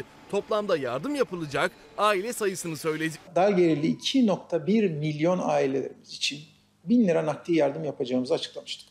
Yeni çalışmamız neticesinde inşallah bu süreçten etkilenen 2.3 milyon aileye daha bu yardımı yapacağız. Hazine ve Maliye Bakanı Berat Albayrak koronavirüs salgınında ekonomi cephesinde verilen mücadeleyi anlattı. Sosyal medya hesabı üzerinden açıklamalar yaptı. Toplam 4,4 milyon ailemize nakdi yardım sağlamış olacağız. Bakan Albayrak ücretsiz izne çıkarılıp gelirini kaybedenler için güzel haberi verdi. Maaş desteği sağlanacak dedi. Kısa çalışma ödeneğine başvuran esnaflarımızın yanında kısa çalışma ödeneğine başvuramayan esnaflarımız için de ücretsiz izne çıkarılan vatandaşlarımız oldu. Ücretsiz izne çıkarılan vatandaşlarımız da merak etmesin. Onlar için de inşallah maaş desteğini başlatacağız. Berat Albayrak, kamu bankalarının aylık 5 bin lira altında geliri olanlara verdiği düşük faizli krediye başvurudaki rakamları açıkladı. Ödemeler bu hafta başlayacak diye konuştu. 5 bin lira altında gelir olan vatandaşlarımız için 10 bin liraya kadar çok düşük maliyetli temel ihtiyaç desteği devreye alındı. Bu manada yine dün itibariyle 3,7 milyon vatandaşımız başvuruda bulundu. Bu kapsamda da ödemeleri inşallah bu hafta itibariyle başlıyoruz. Bakan Albayrak, kamu bankaları gibi özel bankaları da süreçte daha etkin olmaya davet etti. Özellikle Berat Albayrak'ın zorunlu ücretsiz izne gönderilenlere maaş desteği vereceklerine dair açıklamayı önemli sayıyorum. Nasıl yorumluyorsunuz efendim İstanbul? Ee, çok özelinde? önemli tabii. Her destek çok önemli. Az önce söylediğim o 4,5 milyon insan var ya günübirlik para kazanan o insanlar çok önemli. Kuryeler. Yani e, bakın berberinizi unutmayın. Ya ben toplumsal vicdan açısından bunu söylüyorum. Berberinize gidiyorsunuz. Eğer bugün maddi durumunuz yerindeyse gidemediğiniz alışkanlıklarınızın olduğu insanları herkes küçük küçük destekleyebilir. Valla ben bak be- Şükrü var. Soyadını söylemeyeceğim ama Şükrü benim berberim kaç senedir. Aradım onu. Şükrücüğüm bir ihtiyacın var mı dedim. Yok abi dedi sağ ol teşekkür. Ama mahalle berberleri çok zordu bunu Biz- biliyorum. Onun için ben diyorum ki az çok herkes birbirini görmeli. Müthiş bir vicdan Güzel, dayanışması. güzel. Varlıklı insan olabilir, yoksul insanımız olabilir. Bugün varlığını kaybetmiş insan olabilir. Gelirleri tüketilmiş ve ne yazık ki borçlu insanlar olabilir. Dayanışmayı çok önemsiyorum. Bakın az önce ben bir şey söyledim Bir dakika size. pardon pardon pardon. Bir son dakika gelişmesi var. Diyarbakır Valiliğinden bir açıklama geldi. Diyarbakır'da Kulp ilçesinde bir terör saldırısı meydana geldi. 5 sivilin yaşamını yitirdiğine dair bir bilgi, bir açıklama Diyarbakır Valiliğinden. Editörüm olayı araştırıyor. Ek bilgi geldiği zaman sizlere aktaracağım. Hayatını yitiren yurttaşlarımıza, kardeşlerimize başsağlığı ve Allah'tan rahmet diliyorum. Hayatını kaybedenlere, yakınlarına da sabır diliyorum efendim. Çok özür diliyorum Sayın Başkan. Yani başımız sağ olsun. Yani e, terörü lanetliyoruz. Yani hele hele bugün de bin kat lanetliyoruz. Yüz Aha. bin kat lanetliyoruz. E, başımız sağ olsun. E, sivil vatandaşlarımıza başsağlığı diliyorum. E, az önce dedim ya uzlaşmak, ortak akıl. Bir şey daha ekleyeceğim. Ekonomide çok önemli güven. Güven çok önemli. Güveni yani o devletin yönetimi güven tesis edip süreci e, daha hızlı destekleyebilir. Güvenin tesis edilmesi konusunda da şu fikrimi beyan etmek istiyorum Evet. İsmail Bey. Güveni tesis etmek için böyle durumlarda yani bu tür kriz ortamlarında dedik ya uzlaşma ortak akıl. Güveni tesis etmek için bu işin muhalefeti olmaz. Ben e, şu an tabii e, yoğun bakımda kendisi ama Boris Johnson'ın geçen haftaki tutumunu çok önemsedim. Muhalefet liderlerine e, yazı yazarak gün bugündür beraber düşünelim, beraber üretelim deyip davet edişi, İngiltere'de hükümet olarak davet edişi örnek bir davranıştır. Peki. Çünkü bu işin muhalefet iktidarı yok. Şu anda hep beraber büyük bir salgınla insanlık adına büyük bir sorunun İşte efendim, çözümüne ben onun uğraşıyoruz. Için bu sabah bakın İsmail Küçükkaya Demokrasi Meydanı'nda kavga zamanı değil dedim. Aynen öyle. Tweetler gelsin İmamoğlu'na soralım kısa kısa. Şimdi şunu biraz önce açıkladınız ama Murat Ongun düzenli olarak bilgilendirme Evet, yapıyor. Bu evet. takip ettiğiniz Yani diyorsunuz. dün bugün yüzde 71'i buldu. Çok iyi. Ee, yani dediğim gibi e, şu anda ilk defa Terkos'ta bir yağmurla e, ciddi bir e, su doluluğu yaşadık. Bu bizim için sevindirici. İnşallah Nisan ayında bu yönüyle verimli bir ay İnşallah geçiririz. diyelim bereket yağsın. Ama tasarrufu unutmayalım. Evet. Hasan Doğan'dan bir paylaşım dikkatimi çekti. Cumhurbaşkanı Erdoğan Atatürk Havalimanı ve Sancaktepe'deki hastane bunları 45 gün içerisinde bitireceğiz ve tamamıyla halkın hizmetine sunacağız diyor. Ee, tabii ki değerlidir. Sahra hastaneleri gerekir. İnşallah gerekmesin ama gerekeceği gözüküyor. 45 gün uzun bir süre. Daha kısa zamanda yapılması muhtemel yerleri söyledik. Lütfen ama lütfen bu fikrimizi değerlendirin. istirham ediyoruz. Lütfen ama lütfen. Peki. Devam edelim. İmamoğlu'ndan bir paylaşım dikkatimi çekti. Sağlık Bakanlığı'na 27 Mart günü önerdiğimiz Atatürk Havalimanı'nın Sahra Hastanesi'ne dönüştürmesi önerisinin kabul görmesi sevindiricidir. Yine altyapıları hazır olan Maltepe ve Yenikapı meydanları ile Gürpınar Balık Hali'nin de bu kapsamda düşünmesi hızlı sonuç verecektir diyorsunuz. Yani bizim mesela yeni kapı ile ilgili sunduğumuz raporda 15 günde 7000 hasta yani yani 7000 yataklı bir alana olu- oluşturabilecek e, bir süreci var. Yani bunları ilettik. Tabii bunlar teknik çalışmalar. Yani biz dedik ki teknik altyapısına biz varız. Tabii ki diğer kısmı yani sağlıkla ilgili hastane pozisyonuyla ilgili kısımlarını Sağlık Bakanlığımız yürütmeli. Bunları sunduk. Ayrıca bir şey Sunduk soracağım. yani. Bu hastaneler herhalde Kalıcı ileride değil. deprem Kalıcı değil. Ha- Hayır ama deprem için de mesela Ya her şey olabilir. Yani kalıcı değil. Neticede yani her şey için kullanılabilir. Taşınabilir, Ama porta- doğru yer. Peki, doğru yer. peki. Doğru yer. Geçelim. Bu da benim çok önemsediğim maske üretmeye başladık diyorsunuz. Vatandaşımıza kolay ve bedava Tabii. Maskeye Tabii. ulaşım sağlamak Tabii, gerekiyor. tabii, tabii. Yerel veya merkezi Ya yönetim. aynen öyle. Merkezi yönetimin de açıklaması değerli. Teşekkür ederiz. Biz zaten onun öncesinde 200 bini aşkın maske dağıttık İstanbul'da. Ee, ama şu andaki uygulamayla ilgili şikayetler var. Yani PTT üzerinden erişim, E çok zor. ulaşım. Bir şey soracağım. Çok zor. Yani bu- Ya ya 80 milyona- belediyeler var. Ya sa- PTT İsmail Bey biz efendim? bunu vali bey ilettik. Bakanlığa yazı da yazdık. Ya belediyeler var. Ya bize verin biz dağıtalım. Ya zaten şu anda sokağa çıkma yasağı yapmadınız. Biz dağıtalım. Ya her fonksiyonu devreye sokalım. Ya İsmail Bey muhtarlarımızı devreye sokalım. Muhtarlar 961 tane muhtarı var İstanbul'un. İşte şöyle bir tablo görsem. Mesela Erdoğan siz yanında böyle Niçin herkes elini olmasın? böyle kaldırsa böyle. İsmail Bey niçin olmasın? Bir arada Bakın, böyle Tekrar söylüyorum. Uzlaşma, ortak akıl, güven. Peki. Bunları sağlamak zorundayız. Biz de o sürecin bir parçasıyız. Evet. Şimdi bana şöyle bir bilgi geldi bakın. 45 is- Heh, Mustafa Ergüden. 45 günde Sahra Türü Hastane kurulacakmış. Heybeliada Sanatoryum atıl durumda 15 günde hazır hale getirilip hizmete girer. CNR Fuar Merkezi ve TÜYAP Fuar Merkezi. Yassıada'daki inşaatlar bitti. Her türlü otel ve tesis mevcut diyor. Öneriler geliyor bakın. Gelir. Akıl akıldan üstündür. Peki. Yani bu akıllar ya da bizim sunduğumuz cümleler Ekrem İmamoğlu'nun şahsi cümleleri olmak mümkün mü? Yani ben yüzlerce, binlerce insandan besleniyorum. Peki. Her fikirden, her siyasi partiden. Peki devam edelim. Şimdi Paris'te gündüz koşuya çıkmak yasaklandı bakın.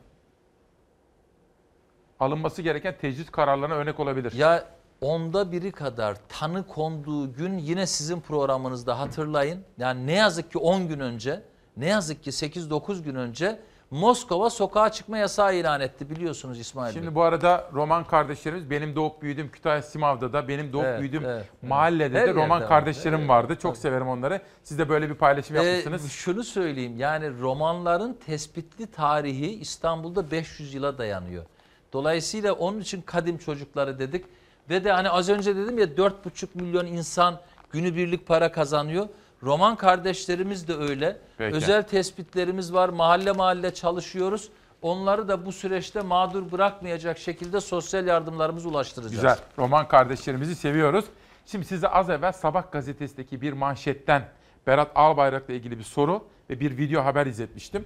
Ve sırada Bir Gün gazetesinden bugün çiftçi topraktan çekiliyor. Tehlike çanları çalıyor. Tarımda acilen üretim seferberliği ilan edilmeli. Pazartesi sabahı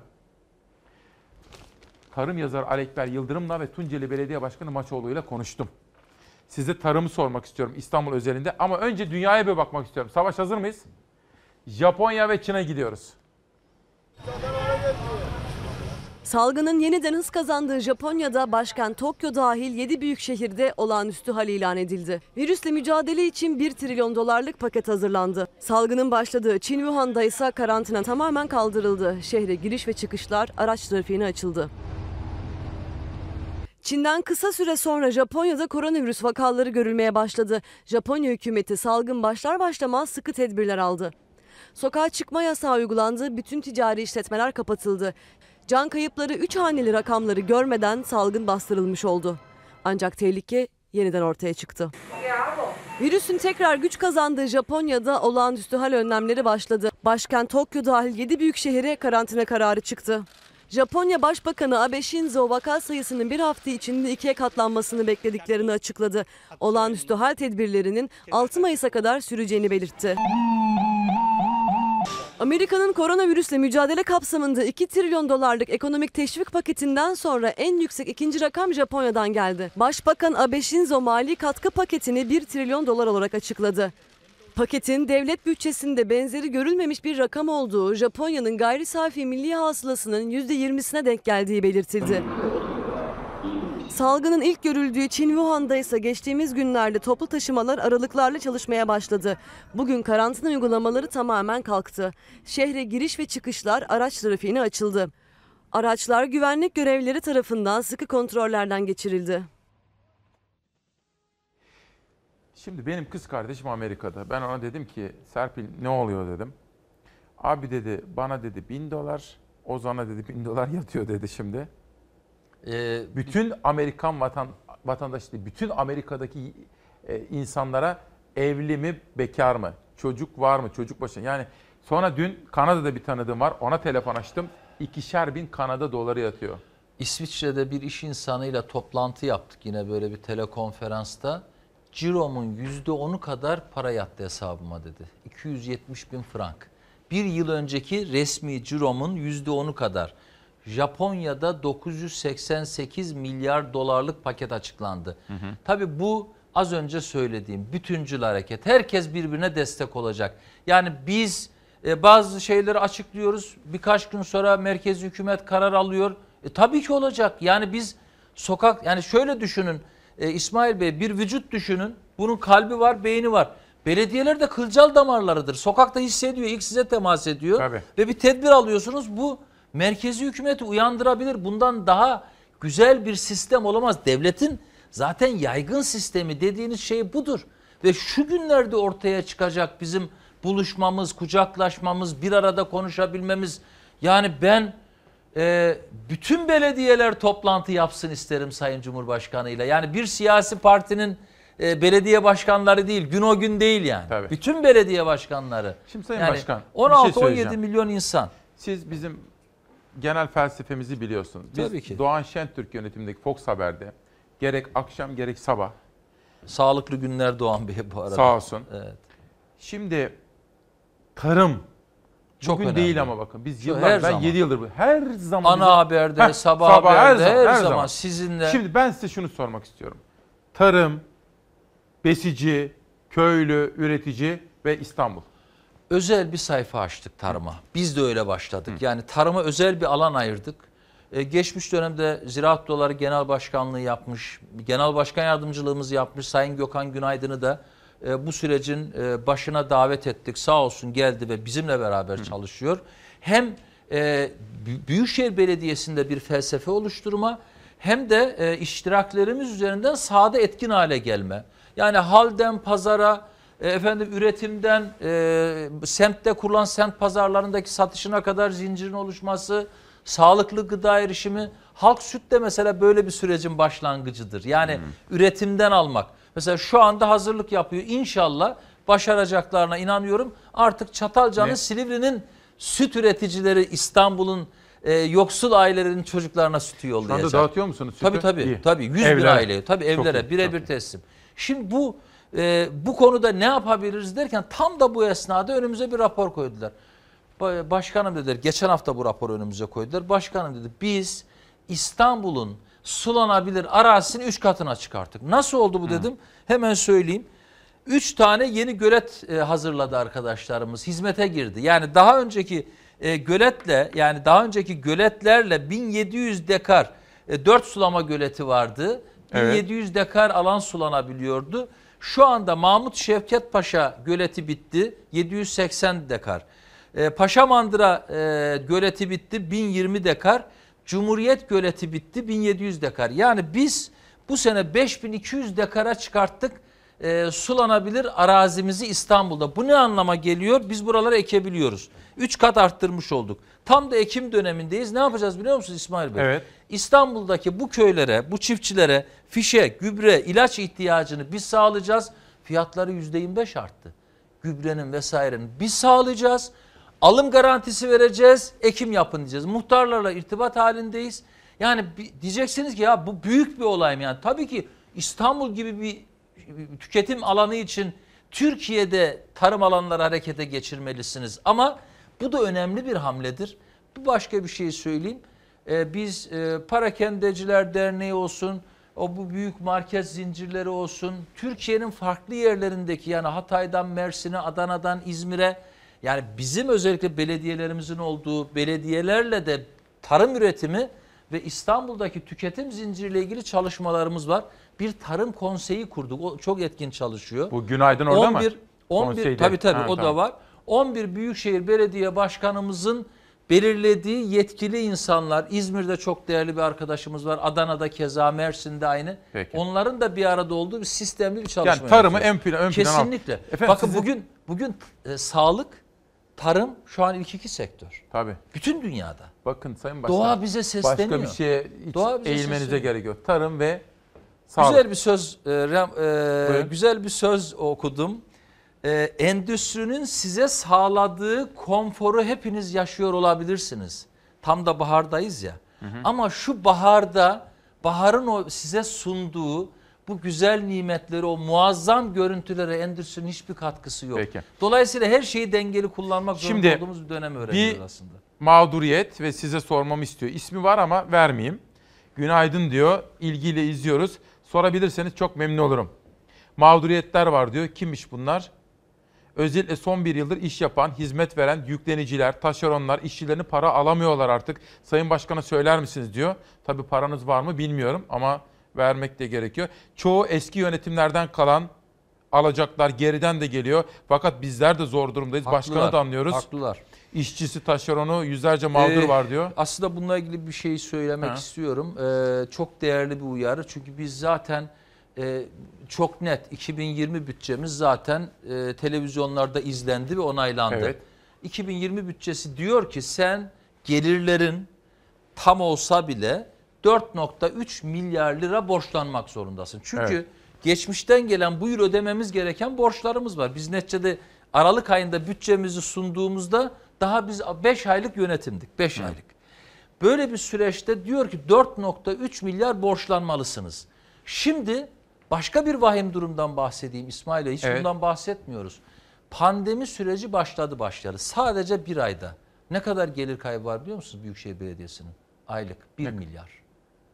Eski Bir parayla milyar. bir katrilyon. Bir katrilyon. Tabii işler dönmediği için. Hayır şöyle Ya. düşünsenize otobüs yok, minibüs yok, Ha. şey minibüs diyorum otobüs yok, metro yok. Ee, Birçok gelir şu anda sıfır düzeyinde. Dükkanlardan gelmiyor. Aynen öyle. Yani bütün Hmm. bu gelirler sıfıra indiği ortamda siz borçlanmanızı tamamlamak zorundasınız. Devletin kamu bankalarının bir takım girişimleri var. Onun için biz olağanüstü meclis çağrımızı e, yapmaya hazırlık yapıyoruz. Bunu da istişareli yapıyoruz. Yani dört siyasi partiyle de görüşüyoruz. Nasıl yapalım? Nasıl hazırlık yapalım? Toplu olmaz. Kararlarda önceden uzlaşalım. İşte mesela bir cumhurbaşkanı falan sizi çağırsa mesela böyle keşke, şu, keşke. ne yapacağız bu meseleyi Keşke, beraber aynen. çözseniz. Mesela biz bakanlığa yazı yazdık. Dedik ki sadece kesinti yapmıyorum belediyelere yetmez. Bakın belediyeler eliniz, kolunuz, ayağınız. Belediyelere sizlerin mutlaka ve mutlaka hazineden ek bütçe ayırma zorunluluğunuz var. Şu anda belediyelerin iki kaynağı var. Bir yerelde elde ettikleri kaynak. İki İsmail Bey nereden? Merkezi hükümetten, vergilerden gelen payla hazineden aldığı paydan gelen kaynak. O da düşecek çünkü vergiler ödenmeyecek. Evet. O da düşecek.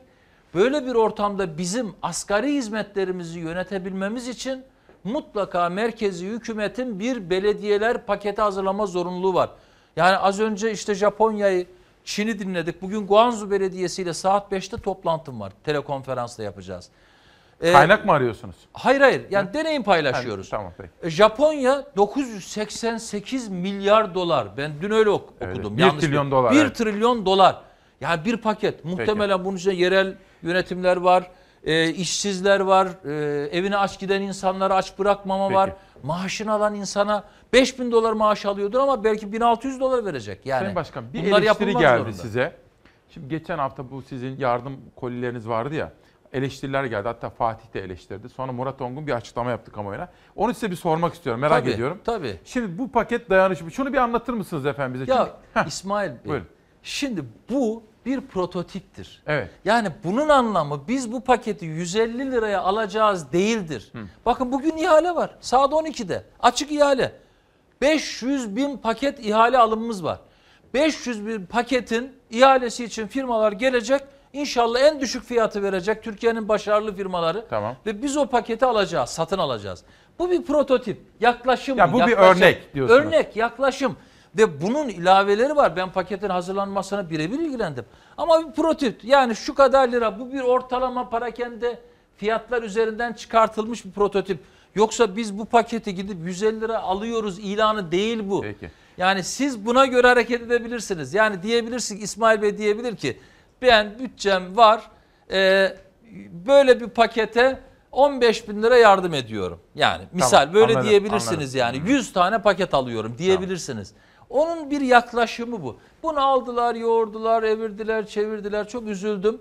Yani onun için buradaki bu iyi niyetli yaklaşımı lütfen başka türlü yorumlamasınlar. Ki Murat Ongun daha sonra dedi ki bunun içerisinde İlaveler başka şeyler var dedi. ilaveler Kolonya, var. sabun vesaire. Hijyen ürünleri var, e, sağlık ile ilgili ürünler var. Onun için ilaveler Ki bu var. galiba güncellenecek bir Şimdi Zaten bir bilgi. güncellendi. Bakın bunun dışında bize binlerce aynı yardım da geldi. Adam Peki. kendi paketini aldı yolladı. Hmm. Yani böyle de yardımlar geldi ve bağışları aldık biz dağıttık. Dağıtım Peki. devam ediyor şu an. Şimdi sabah hazırlıklarımı yaparken bizim Beyza'ya dedim ki Beyza senin bugünlerde izlediğin bir dizi vardı dedim. Evet dedi. O dizinin adını söyledi bana.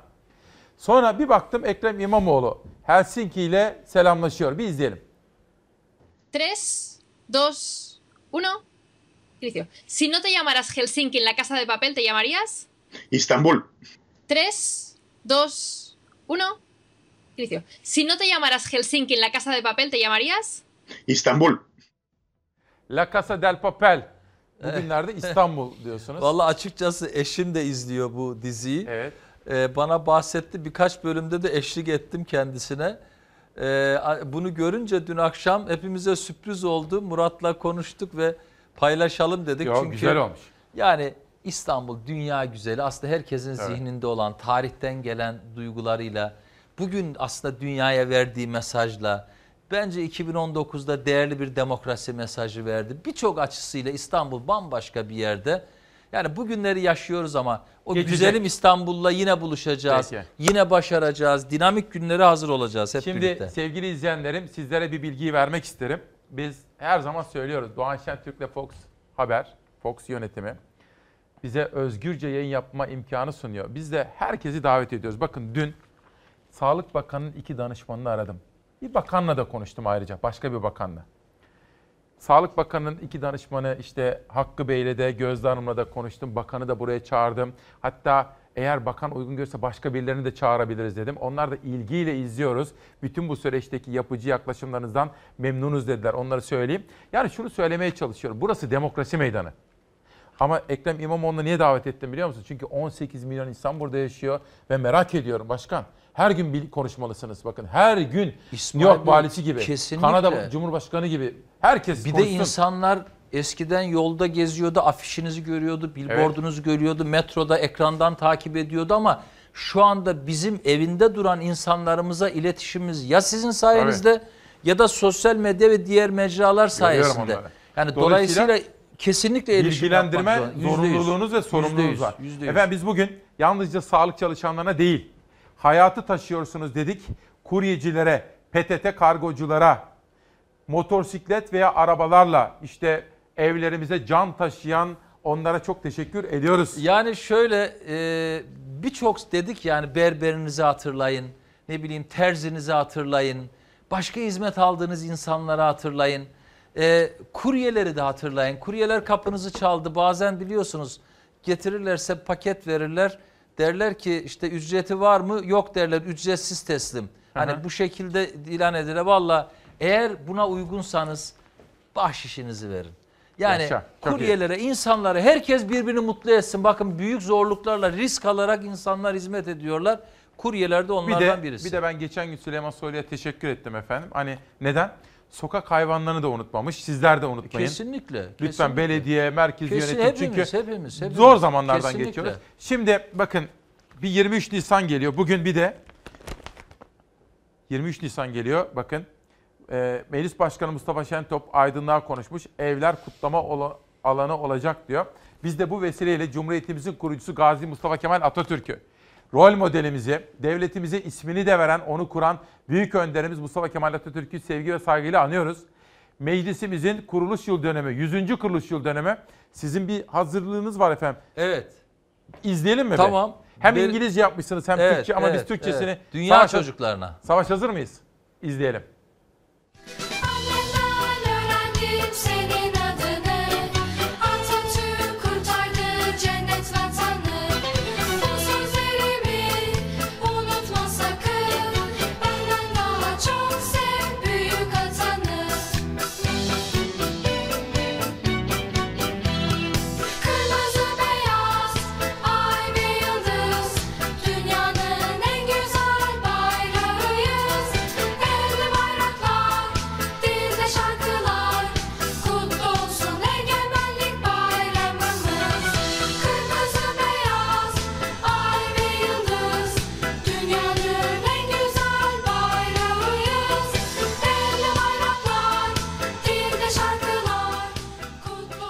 Meclisimizin 100.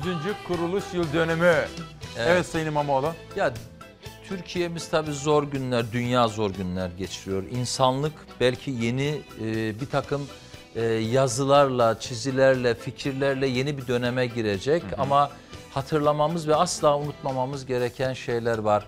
İnsanlar inançlarını yine yaşıyorlar. Dün akşam Berat Kandili'ydi. Kandilimiz, geçmiş kandilimiz hayırlara vesile olsun, mübarek olsun. Ee, şimdi önümüzde 23 Nisan var. Ee, az önce Sayın Meclis Başkanı'nın e, yazısını ben de okudum sabah. Ee, biz de bir belli, böyle bir hazırlık yapıyorduk. Çok iyi. Orada ikilik yapmayız. Beraber. Yani tabii e, saat 21'de e, İstiklal Marşı dedi. Biz onu 8 planlamıştık. Biz de onu 21'e çekeriz. Hep beraber İstiklal Marşımızı okuruz. Beraber televizyonlarda e, sizler yayın yapacaksınız. insanlara e, 23 Nisan'ı hatırlatacaksınız. Bizler sosyal medya üzerinden bazı hazırlıklarımız var paylaşacağız. Yani dolayısıyla evde de olsak bu süreci yaşatacağız. Bir müjde daha vermek istiyorum. Buyurun. Bu arada İstanbul kitapçımız var bizim. İstanbul Kitapçısı. Evet. Büyükşehir Belediyesi'ne ait. Muazzam bir iş oldu. Pazar günü duyurduk. Pazar, pazartesi günü rekor sayıda on binlerce kitap satışı yaptı. Ee, biz yine e, bir kitap hazırlıyoruz. Nutuk. Ee, çok özel bir nutuk. Size yollayacağım. Bekliyorum onu. Yani bir iki Teşekkür hafta ederim. içinde 23 Nisan Peki. hediyesi olacak. Ee, yani bizim Mustafa Kemal Atatürk'ün e, en hakiki mürşit ilimdir diyen, Aha. bilimden ve ilimden uzaklaşmayın diye Mustafa Kemal Atatürk'ü minnetle anıyoruz. Teşekkür ediyoruz. Ee, bu güzel cumhuriyeti bize armağan eden bütün geçmişlerimize de rahmet diliyorum. Peki çok teşekkürler. Efendim bizimle birlikte olduğunuz için teşekkür ediyorum. Yarın 7.45'te görüşmek üzere. Sağlıkla kalın.